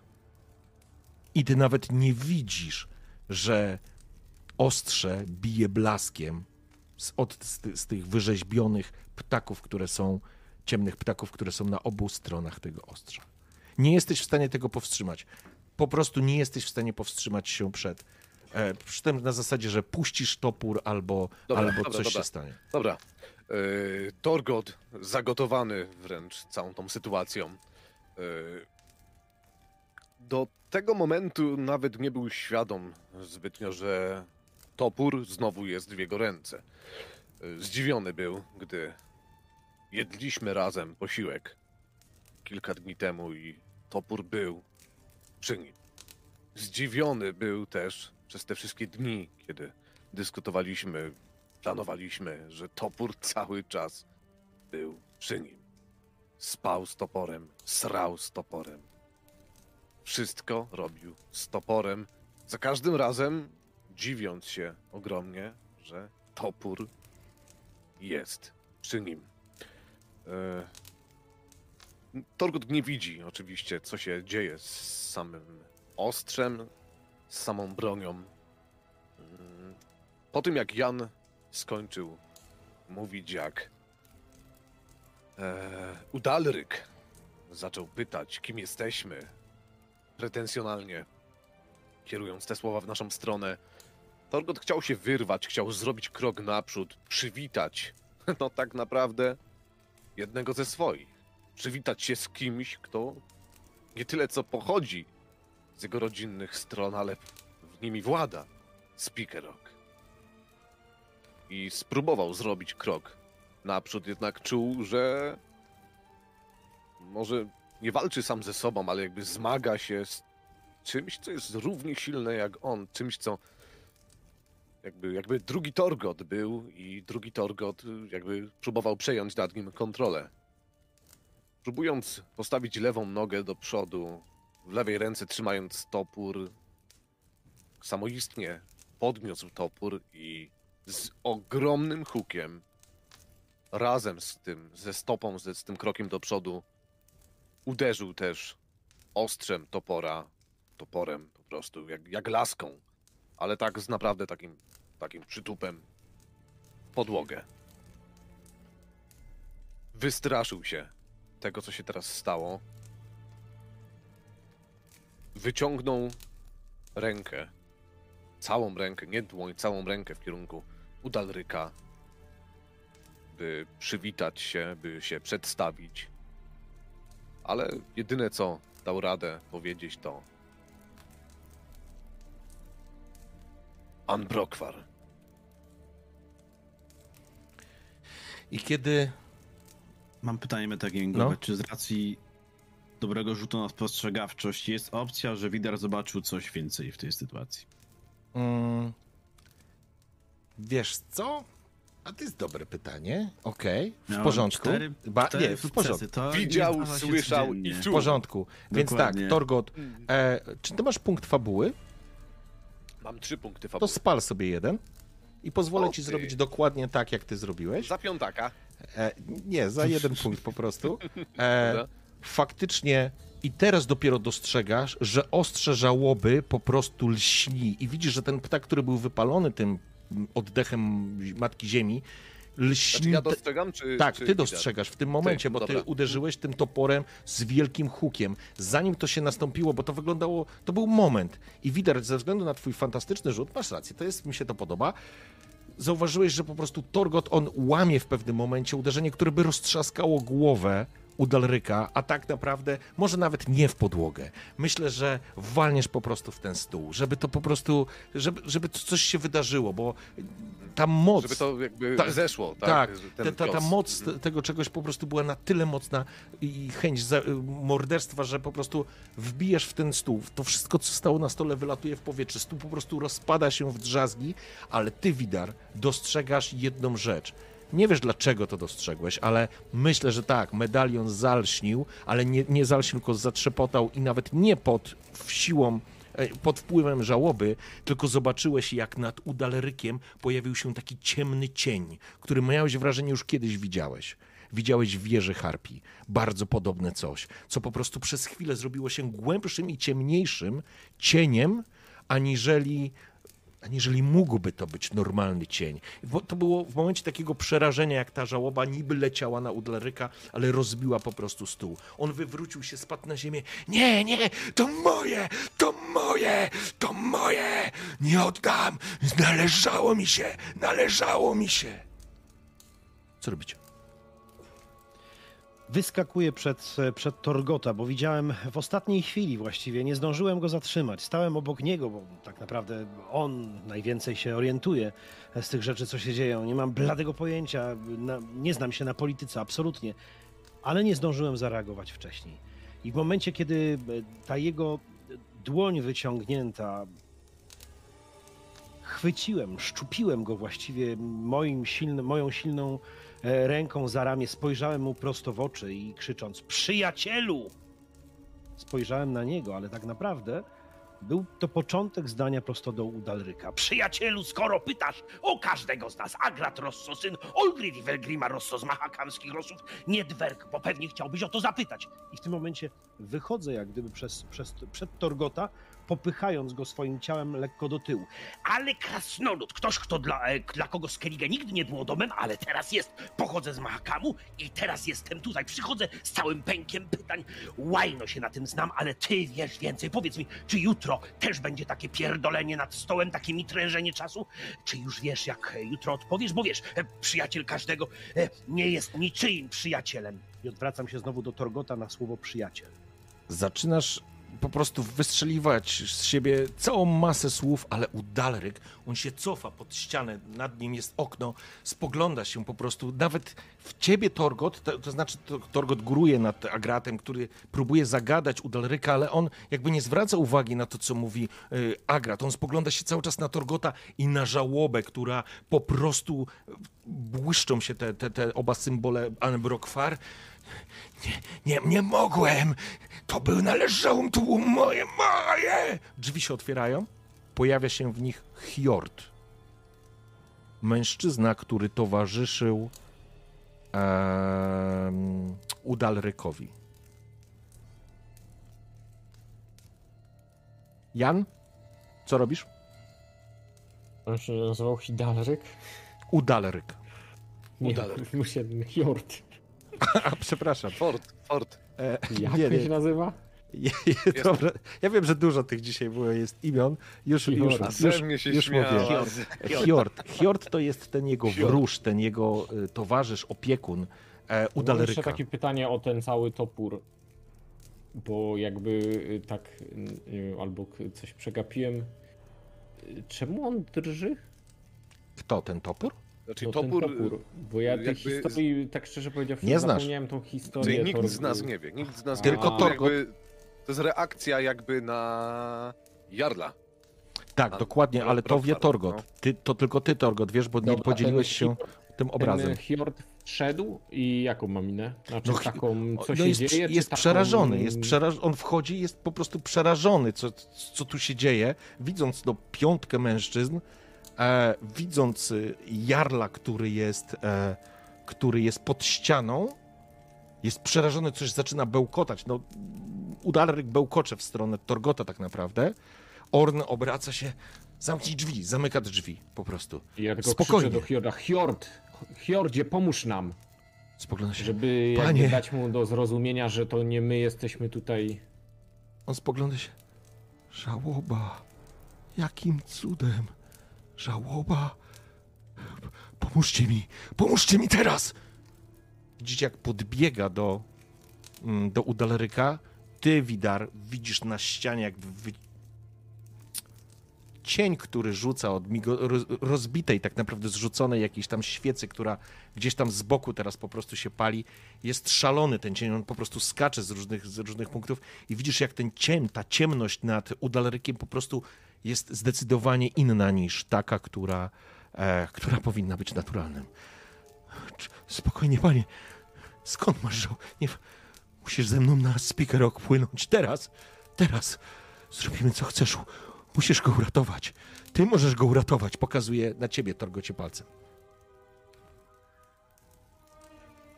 Ja, Torgot. ja, ja też patrzę na Torgota i mówię, Torgocie? Znaczy Torgot jest cały czas w jakimś takim amoku. W jego głowie przeplata się jakby on sam z wolą tego topora, z wolą żałoby, z tą mocą, jaką żałoba ma. Torgot, to, dla niego to jest całkowicie nowe. On jakby nie potrafi kontrolować tego typu magicznych mocy, tego typu ogólnie mocy. Yy, Czasem nie może kontrolować samego siebie, a co dopiero jeszcze taki wpływ, taki potężny wpływ. Jedno, co jest pewne, topór jak przyspawany, jakby był częścią jego ciała. Po prostu tkwi cały czas w jego lewej ręce. Wręcz jakby dosłownie zrośli się, tak? Jak, jak, jak zrośnięty. E, Torgot już nie czuje, jak bardzo mocno zaciska rękojeść. To jest jak jedność. To jest Mhm. po prostu jedność. I myślę, że widzę, co się dzieje, ale na pewno nie jestem teraz pierwszym do ani myślenia A ja, nad tym, ani do odpowiadania komukolwiek. a ja Okej. dobrze słyszałem, że ten Hjord nas poprosił o pomoc? Tak, on powiedział do Torgota, dokładnie do Torgota, możesz mu, on powiedział najpierw s- jakby zidentyfikował w cudzysłowie, czyli rozpoznał żałobę, co jest w ogóle samym w sobie, wiadomo, zaskoczeniem, ale on spogląda się na niego, możesz mu pomóc, musisz popłynąć z nami na Speaker Rock, dostaniecie co chcecie, tylko pomóżcie mu, proszę. I widzicie, kiedy ten, i myślę, że teraz wszyscy już dostrzegacie, że nad e, Udalrykiem ten cień, który rzuca jego e, jego postać na ścianę jest ciemniejszy, jest mroczniejszy, a gracie, czujesz dreszcze po plecach, bo gadasz, bla, bla, bla, bla, jak zwykle, swoje gadanie, gadanie, gadanie, ale widzisz ciemność, którą, masz wrażenie, jakbyś kurwa rozpoznawał, ty ją widziałeś. Albo jest tak podobna i w pewnym momencie język ci koło kołacieje, po prostu, wiesz, zamykasz się, bo widzisz ciemność, która gęstnieje nad Udalerykiem i w tym momencie widzicie Udaleryka, który spogląda się ja nie chciałem. To był wypadek. I widać, jak ten cień w niego wchodzi i on po prostu moje i mdleje. Czy moc topora cały czas e, jest? Lśni, Czy jak, lśni. czy jak on, ale w sensie, czy dalej jakby próbuje narzucić mi swoją wolę, czy w momencie, w którym on mydleje, jakby to ustępuje? W tym, to znaczy czujesz, ale jesteś w stanie to skontrolować w tym momencie i ty to czujesz, że, to znaczy czujesz, że ta, że ta broń, ona chce go po prostu zamordować. Dobra, więc ja tylko odwracam się w stronę Hjorda i mówię, Hjordzie, co z nim będzie? Bogowie zesłali. Chyba nas. Nam was bogowie zesłali. To niemożliwe. Masz żałobę. Musimy popłynąć zaraz. Na Speaker Rock to jedyna szansa. Musisz go uwolnić od tego przekleństwa. Tylko ty to możesz zrobić. Jesteś. Jesteś przeznaczony, żałoba cię wybrała. Jesteś Anbrok-Far. Musimy odprawić rytuał, uwolnić go od tego. Tylko ty możesz mu pomóc. Hjordzie, wiesz, że teraz nie możemy opuścić tego, tego miejsca. Spogląda się na was. Po czyjej stronie jesteście? Ancrate czy Drummond? Pomóżcie mi, a zagłosujemy tak, jak chcecie. A ja y, pytanie z y, t- metagamingowe, jak to się mówi, y, czy jest możliwość dopłynąć tam jakby przed głosowaniem? Czy no, O, to jest gdzieś daleko? Nie, nie, nie. Wiesz co? E, nie, nie, w jeden dzień na pewno nie Ja dopłyniecie. nie wiem, co on ma na myśli, że my Mhm. ten... Hjordzie, pomożemy ci. Ale wy najpierw musicie pomóc nam. Czy Udalryk będzie w stanie zagłosować? Jeżeli uwolnimy go, a tam, a ja wiem, jak można go uwolnić. Żałoba była kluczem i Jej spadkobierca. Pomóżcie mu, to niezły człowiek. Klątwa. mo- y, y, Hjordzie, możemy obiecać, że wam pomożemy, ale najpierw musi się odbyć głosowanie. Dobrze wiesz, że nie możemy opuścić tego miejsca. Musimy. Albo teraz, albo nigdy. Pomóżcie mi. Mamy nasze drakary. Dopłyniemy do Spikerok. Uwolnimy mojego chłopca, a później, a później zagłosujecie. Nikt nie wybierze króla bez głosu jednego z jarlów. Najpierw opowiesz nam wszystko, co wiesz. Nie Odezwał się mamy czasu. patrząc po, y, po wię- większym takim, widać, że to jest konsternacja. Nie Jesteś Ann Brokwar, przerywa ci. Pokazuje palcem na Torgota. Jesteś winien posłuszeństwo swojemu jarlowi. A ja mam jeszcze takie jedno pytanie. Czy Torgot nie miał jakiegoś, jakiejś kosy? Bo nie pamiętam tej historii. Nie miał jakiejś kosy z tym swoim klanem? Nie, Nie. w sensie, że ja jestem jakby imigrantem A tutaj. już myślałem, że ty kogoś tam zabiłeś. Nie, moja rodzina jakby osiedliła się tutaj. Aha, dobra, dobra, bo już myślałem, że... A ja, ja, byłem, ja byłem dzieckiem. W sensie ja, ja samego jakby speaker nie pamiętam, tak? Dla mnie to jest. Dobra. Panowie, on ma rację. Głosowanie nie dojdzie do skutku, Bus Udalryka. Jeśli to ma zapewnić Ancrate zwycięstwo, spe- spełnijmy ich wolę. Udajmy Jeżeli się się tak- Spikerok i pomóżmy. Jeżeli ma się tak stać, trzeba przekonać wszystkich zebranych, żeby wydłużyć Ting. W przeciwnym wypadku Uldarek zostanie po prostu wykluczony z głosowania. I głosowanie pozostanie nierozwiązane do czasu, aż nie wejdą inne przekupstwa i którykolwiek z innych jarlów nie zmieni strony. Jan wskazuje na Udalryka. Spójrz na niego.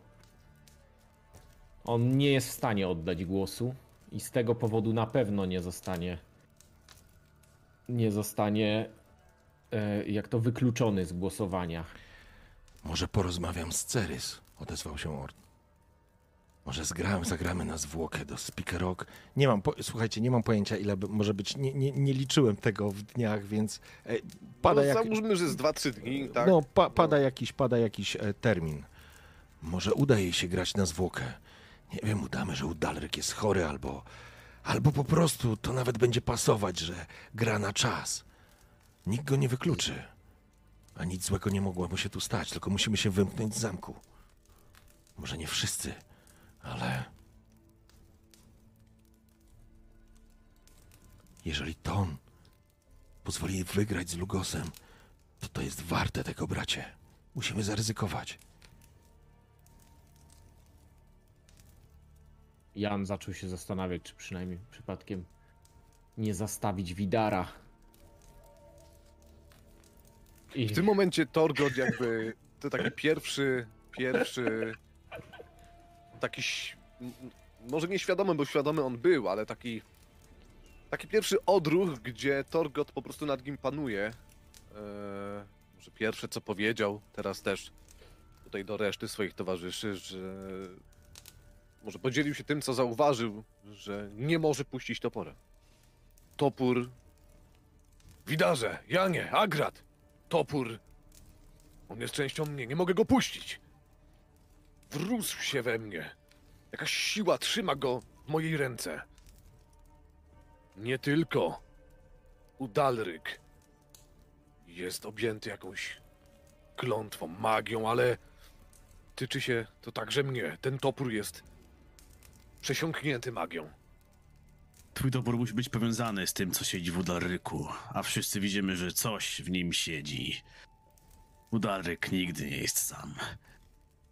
Możecie mu pomóc. Żałoba może właśnie dlatego cię wybrała. Może sam pragniesz zemsty. Może sam skrywasz w sobie żałobę. Ornie, I to jest, przepraszam, i to jest moment. I teraz pozwolę ci na jeden rzut.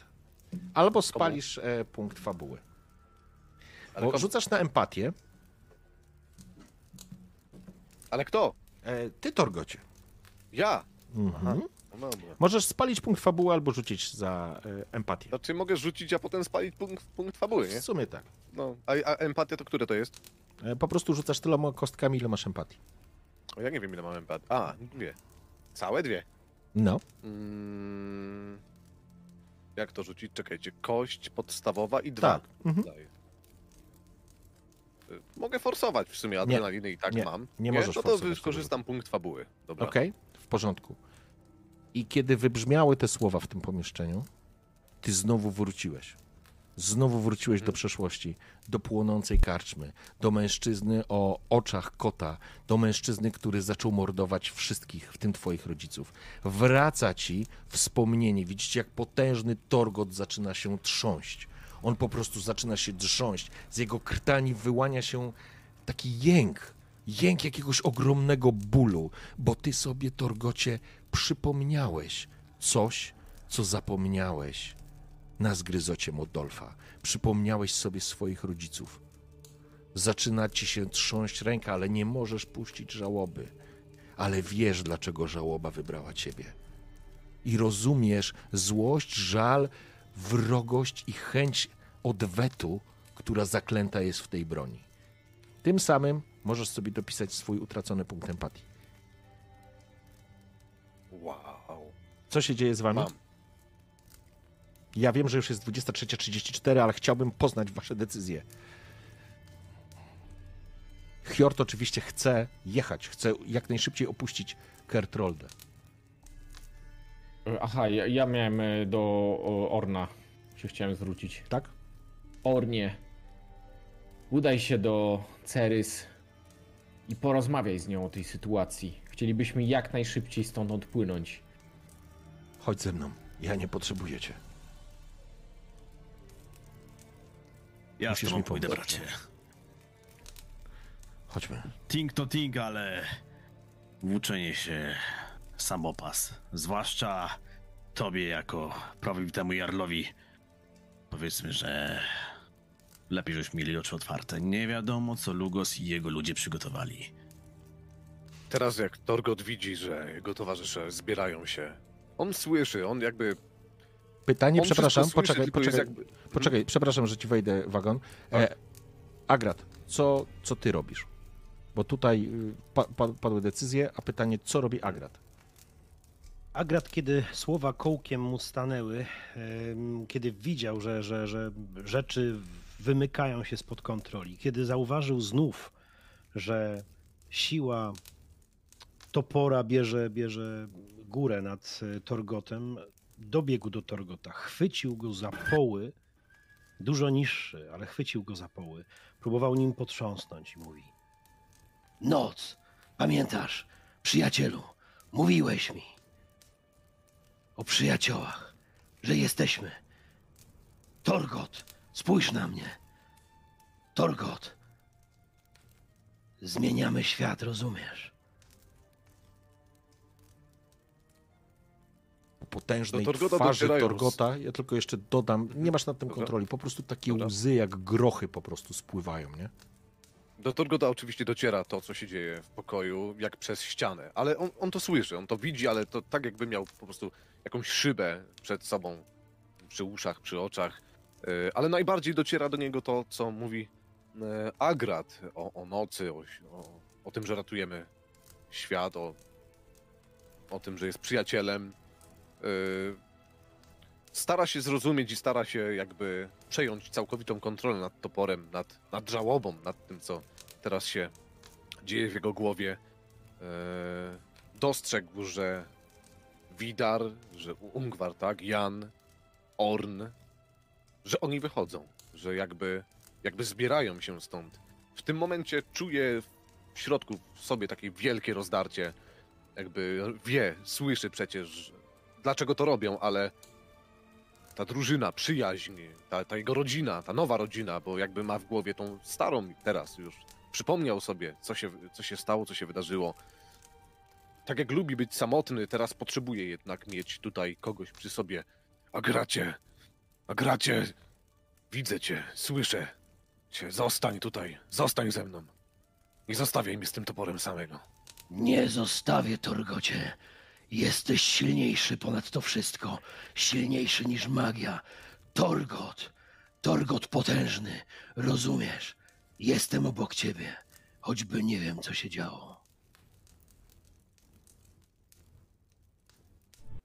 Okej. I teraz tak. Agrat z Torgotem zostajecie, czy będziecie gdzieś szli się przygotować do drogi? Bo kto chce płynąć, to jest jakby też pierwsze pytanie. Czy ja wszyscy płyną? No No to wszyscy mu powinniśmy płynąć. Okej, w porządku. Mhm. W porządku, więc tak. Torgot y, z Agratem będziecie, y, będziecie po prostu się. Hjord Oni wie, że musicie się przygotować. Nie? No my tak. idziemy do Cerys, a oni się mu przygotowują do... I teraz. Y, I teraz. Poczekajcie. Najlepiej, żebyśmy odeszli w sensie od tego, jak on miał, do tego u... Żebyśmy znaczy, odeszli proszę, od że nie zapomnijcie Tak. o nim, bo on tam leży Bo- nieprzytomny, nie? Ale razem jest z Hjortem, więc na Myślę, pewno. że to będzie dobry pomysł, jeżeli odejdziemy od Udalryka, jakby... Żebym znowu mógł przejąć kontrolę po prostu nad sobą, nad tym, co się ciężko dzieje. będzie do wychodka pójść toporem na W porządku. No, E, słuchajcie, e, chcę tylko wiedzieć, bo to musi. Bo to, bo, bo to próbuję. Nie, to ja się, ja, ja, drzwi będą uchylone, topór będzie tak wystawał na zewnątrz z moją ręką, a ja tak w środku, no. Kurwa, Przez to serduszko. Ciężko ci się będzie jadło nożem i widelcem, nie? Dobra. e, e, Słuchajcie, teraz, że- żeby, żeby, żeby, żeby, to, Tak. żeby to jakoś ułożyć. E, Ja, ja, ja będę ciachał tortę jakby co. Jan. Widar oraz Orn ruszają do Cerys. Agrat i Torgot ruszają do siebie, tam do pokoi, to znaczy opuszczają to pomieszczenie. Umówiliście się z Hjortem, że po prostu opuszczacie Kertrolde. I teraz są dwie sceny.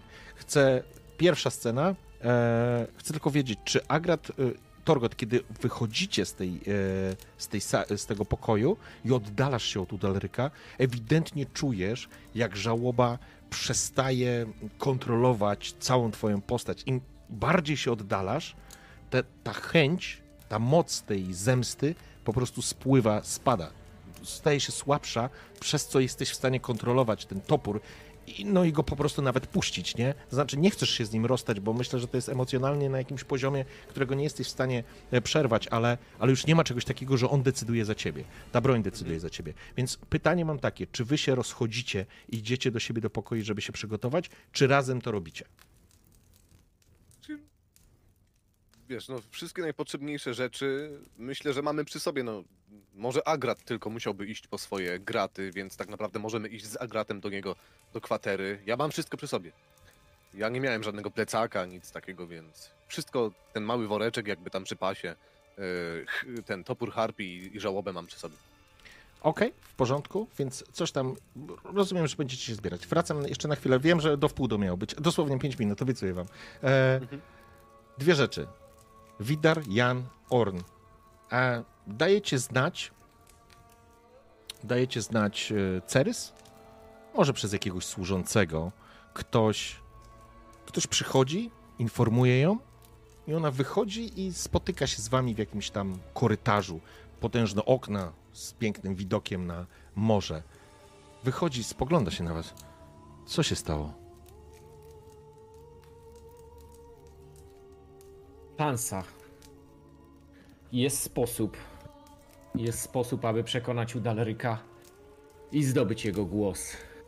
Ale musimy, musimy opuścić, e, opuścić, jak to się nazywa, zgromadzenie? Ting, E, ting. możesz powiedzieć ting. Radę. Ting? Radę. Mhm. Ale musimy natychmiast, niezwłocznie opuścić Radę i udać się na Speaker Rock. Trzeba grać na czas. Udalryk, powiedzmy, że to, co tam zrobimy, może nam zagwarantować jego głos. Jestem tego właściwie pewien, ale Tink nie może być do tego czasu rozwiązany. Musicie zadbać tutaj o to, żeby wszyscy goście zostali na miejscach i żeby wszyscy przeżyli. A już zwłaszcza mniej baczenie na mojego brata. Wiem, Orn, że potrafisz o siebie zadbać. Patrz Widar teraz na Orna, który pewnie już podnosił tam głos, że... Ale, Ale- tutaj sprawa idzie o dużo więcej. Jeżeli ty zginiesz, zginie nadzieja dla Drummond. I klan pogrąży się w chaosie. Nawet jeżeli Lugo strzelony zemrze. Spogląda się, próbując e, zrozumieć, ale przede wszystkim e, sama Cerys. Ale macie, macie gwarancję? Odzywa się Orn. Tak, pani. Mamy, obiecał nam. Możemy mu pomóc. To jest powiązane, wszystko są, wszystko wytłumaczymy. Zresztą ja wyjaśnię. Ale oni muszą opuścić Kertroldę jeszcze dzisiejszej nocy. Gdy tylko nam się uda, głos Udalryka będzie stuprocentowy. Zdecydowany sojusznik dla Ancrate, zarówno na Tingu, jak i poza nim. To chyba dobra cena. Cerys spogląda się na was i teraz tak. Ktoś z was rzuca, żeby ją przekonać. No to Jan? chyba ja bym musiał ją przekonać. Dobrze. I Myślę, teraz że mogę mu chyba pomóc jednym kor- tak? Jan, dostajesz plus 3 do rzutu e, za samą pomoc. E, Dostajesz za Jana, e, do, Ale Boże, na to za, ja rzucam na manipulację czy na wpływ? na manipulację. Manipulacje? Wpływ E, bo Będziesz nie, ją przepraszam, na wpływ. Już mówię. To ja rzucam na wpływ, mam plus 3 od co? Od Widara. E, Nie, masz plus 3 za Widara, za Orna i za to, że zależy jej na tym, o czym mówicie. Nawet plus a 4 ci da. Mam plus 4 za człowieka? Tak? No to plus 4 czy plus 5? Jak plus 4 za człowieka? Nie, plus 4 mam za nich wszystkich i jeszcze plus 1 za człowieka. No to tak. tak. Do relacji z ludźmi, Ty, tak? dobra, plus- przestań. Nie, nie rzucaj, nie rzucaj. Dobra, Dobra. przez, nie bawmy się w to. Rzucam, rzucam. Rzucaj! A nie, rzucam, nie rzucam, nie liczy się.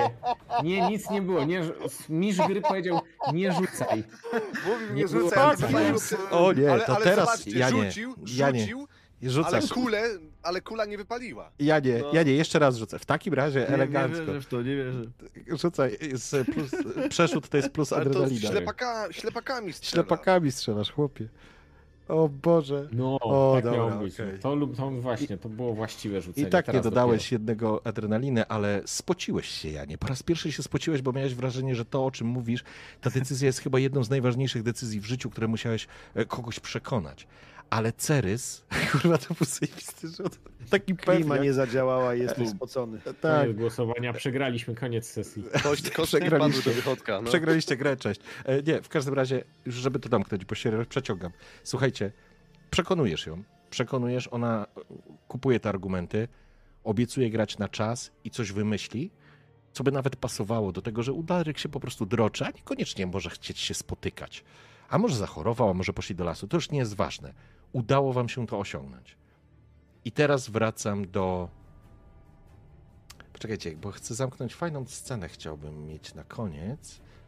A ja mam tylko pytanie, czy na rękojeści topora są jakieś y, znaczki? Czy te, czy te ptaki są tylko na ostrzu? Czy rękojeść jest też jakoś zdobiona po sam czubek, czy, czy nie? Wiesz co, na pewno są jakieś symbole, ale nie będę ci teraz szczegółów opisywał. Dobra. E, są na pewno jakieś e, runy i rze- rzeźbie, wyrzeźbione w tym, w, w rękojeści. Dobra, to teraz ja bym chciał... Okej, to już wracam do was, panowie, do Agrata i Torgota. Skończyliście tą rozmowę, wy po prostu schodzicie. Schodzicie się zebrać, nieważne. Ważny jest jeden element. E, widzisz, że wchodzi jakiś mężczyzna i spogląda się na ciebie. Pan Ungwar.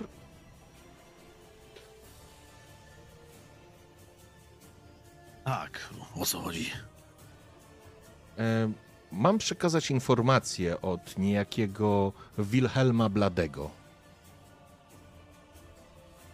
Wilhelm Blady, mówże!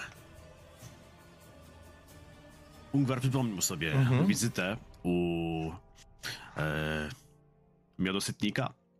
Tak, tak, tak. U E, człowieka, który, o którym wspominała Tak, notatka. u nie? jedynym, jedy, jedynym człowieku, który mógł, e, który mógł, był jego tak naprawdę łącznikiem z, z Wiedźminami, z Wiedźminami Mhm. mieszkającymi na Skellige. Jeżeli jeszcze są na Skellige jacyś Wiedźmini.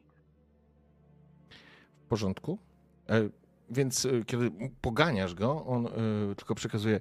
Miałem przekazać informację panu, że Belfin chce się z panem spotkać na szczycie łysego kolana i dojechali i Neutmani pojawili się w mieście. Nie masz pojęcia, co to jest łyse kolano, ale, ale chyba, chyba gdzieś tutaj coś jest. Mm. To jest koniec, Agrat i Torgot. Wpadacie, coś spaku- pakujecie, nie? Zbieracie jakieś swoje rzeczy i tak dalej. A, a, a ruda i tak dalej, to też bierzemy ze sobą, rozumiem, tak? Co bierzecie? Te rudę, to, czy nie? Jakie? A rudę. Że ktoś nie podwędził, nie? W tym, se- w tym sensie rudę. Ruda, łysa jak kolano. Te Dobrze, rude idą z nami. tak ja to zrozumiałem, nie? I tak mówię, what? E, dobra, ja tylko chcę jedną rzecz dodać. Bierzemy Torgot, wszystkie. ty wszystko masz tak naprawdę przy sobie, albo większość rzeczy przy sobie, więc ty Mhm. zbierasz jakieś tam parę swoich łaszków, fatałaszków, Dobra. ale kiedy wchodzicie do pomieszczenia Agrata, to nie sposób tego nie zauważyć. Agracie, kiedy wchodzisz do swojego pokoju, Nie posprzątałeś. zaczynasz zbierać też, pakować swoje rzeczy. Wszystko jest. Ale kiedy zamykacie za sobą drzwi, bo obaj jesteście, przyjmijmy, obracasz się na gracie i dostrzegasz przybite do drzwi nożem projekt włóczni Hemdala.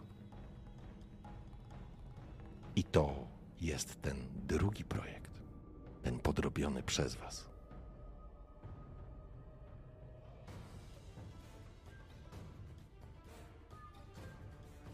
Up, upsy. Pardon.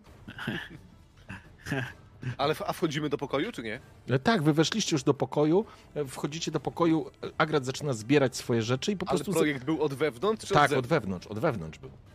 od- w środku był a, przybity a do drzwi. kamienie ruda jest, czy podwędzili? Nie, jest. Wszystko jest. Jest. Agrat, od razu rzucasz okiem, nie?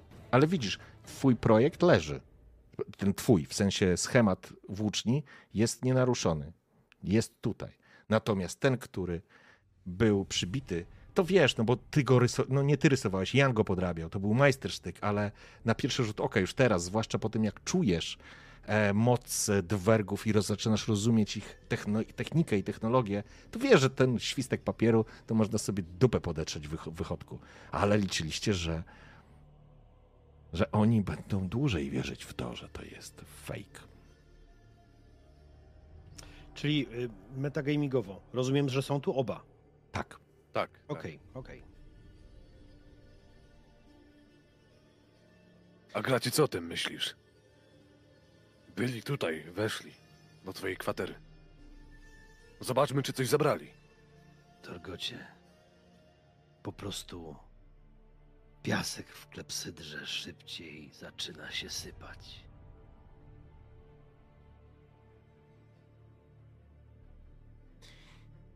I myślę, że to będzie idealny moment na zakończenie dzisiejszej sesji, bo zaczniemy już jak po prostu płyniecie, bo już przeskoczymy, nie? Jakby nie powstrzyma was nic, zabieracie wszystkie najcenniejsze swoje rzeczy.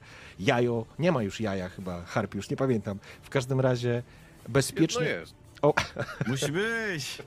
opuszczacie bezpiecznie Kertrolde w takim, w takim sensie, że y, opuszczacie go w czwórkę plus e, Udalryk oraz jego świta, ale ze świty to jest tak naprawdę tylko Hjort i pewnie e, kilka osób e, do pomocy, więc tak naprawdę schodzicie do portu i odpływacie drakarem Anbrokwar z tymi takimi ptakami na żaglu razem z nieprzytomnym Udalrykiem w kierunku Spikerok.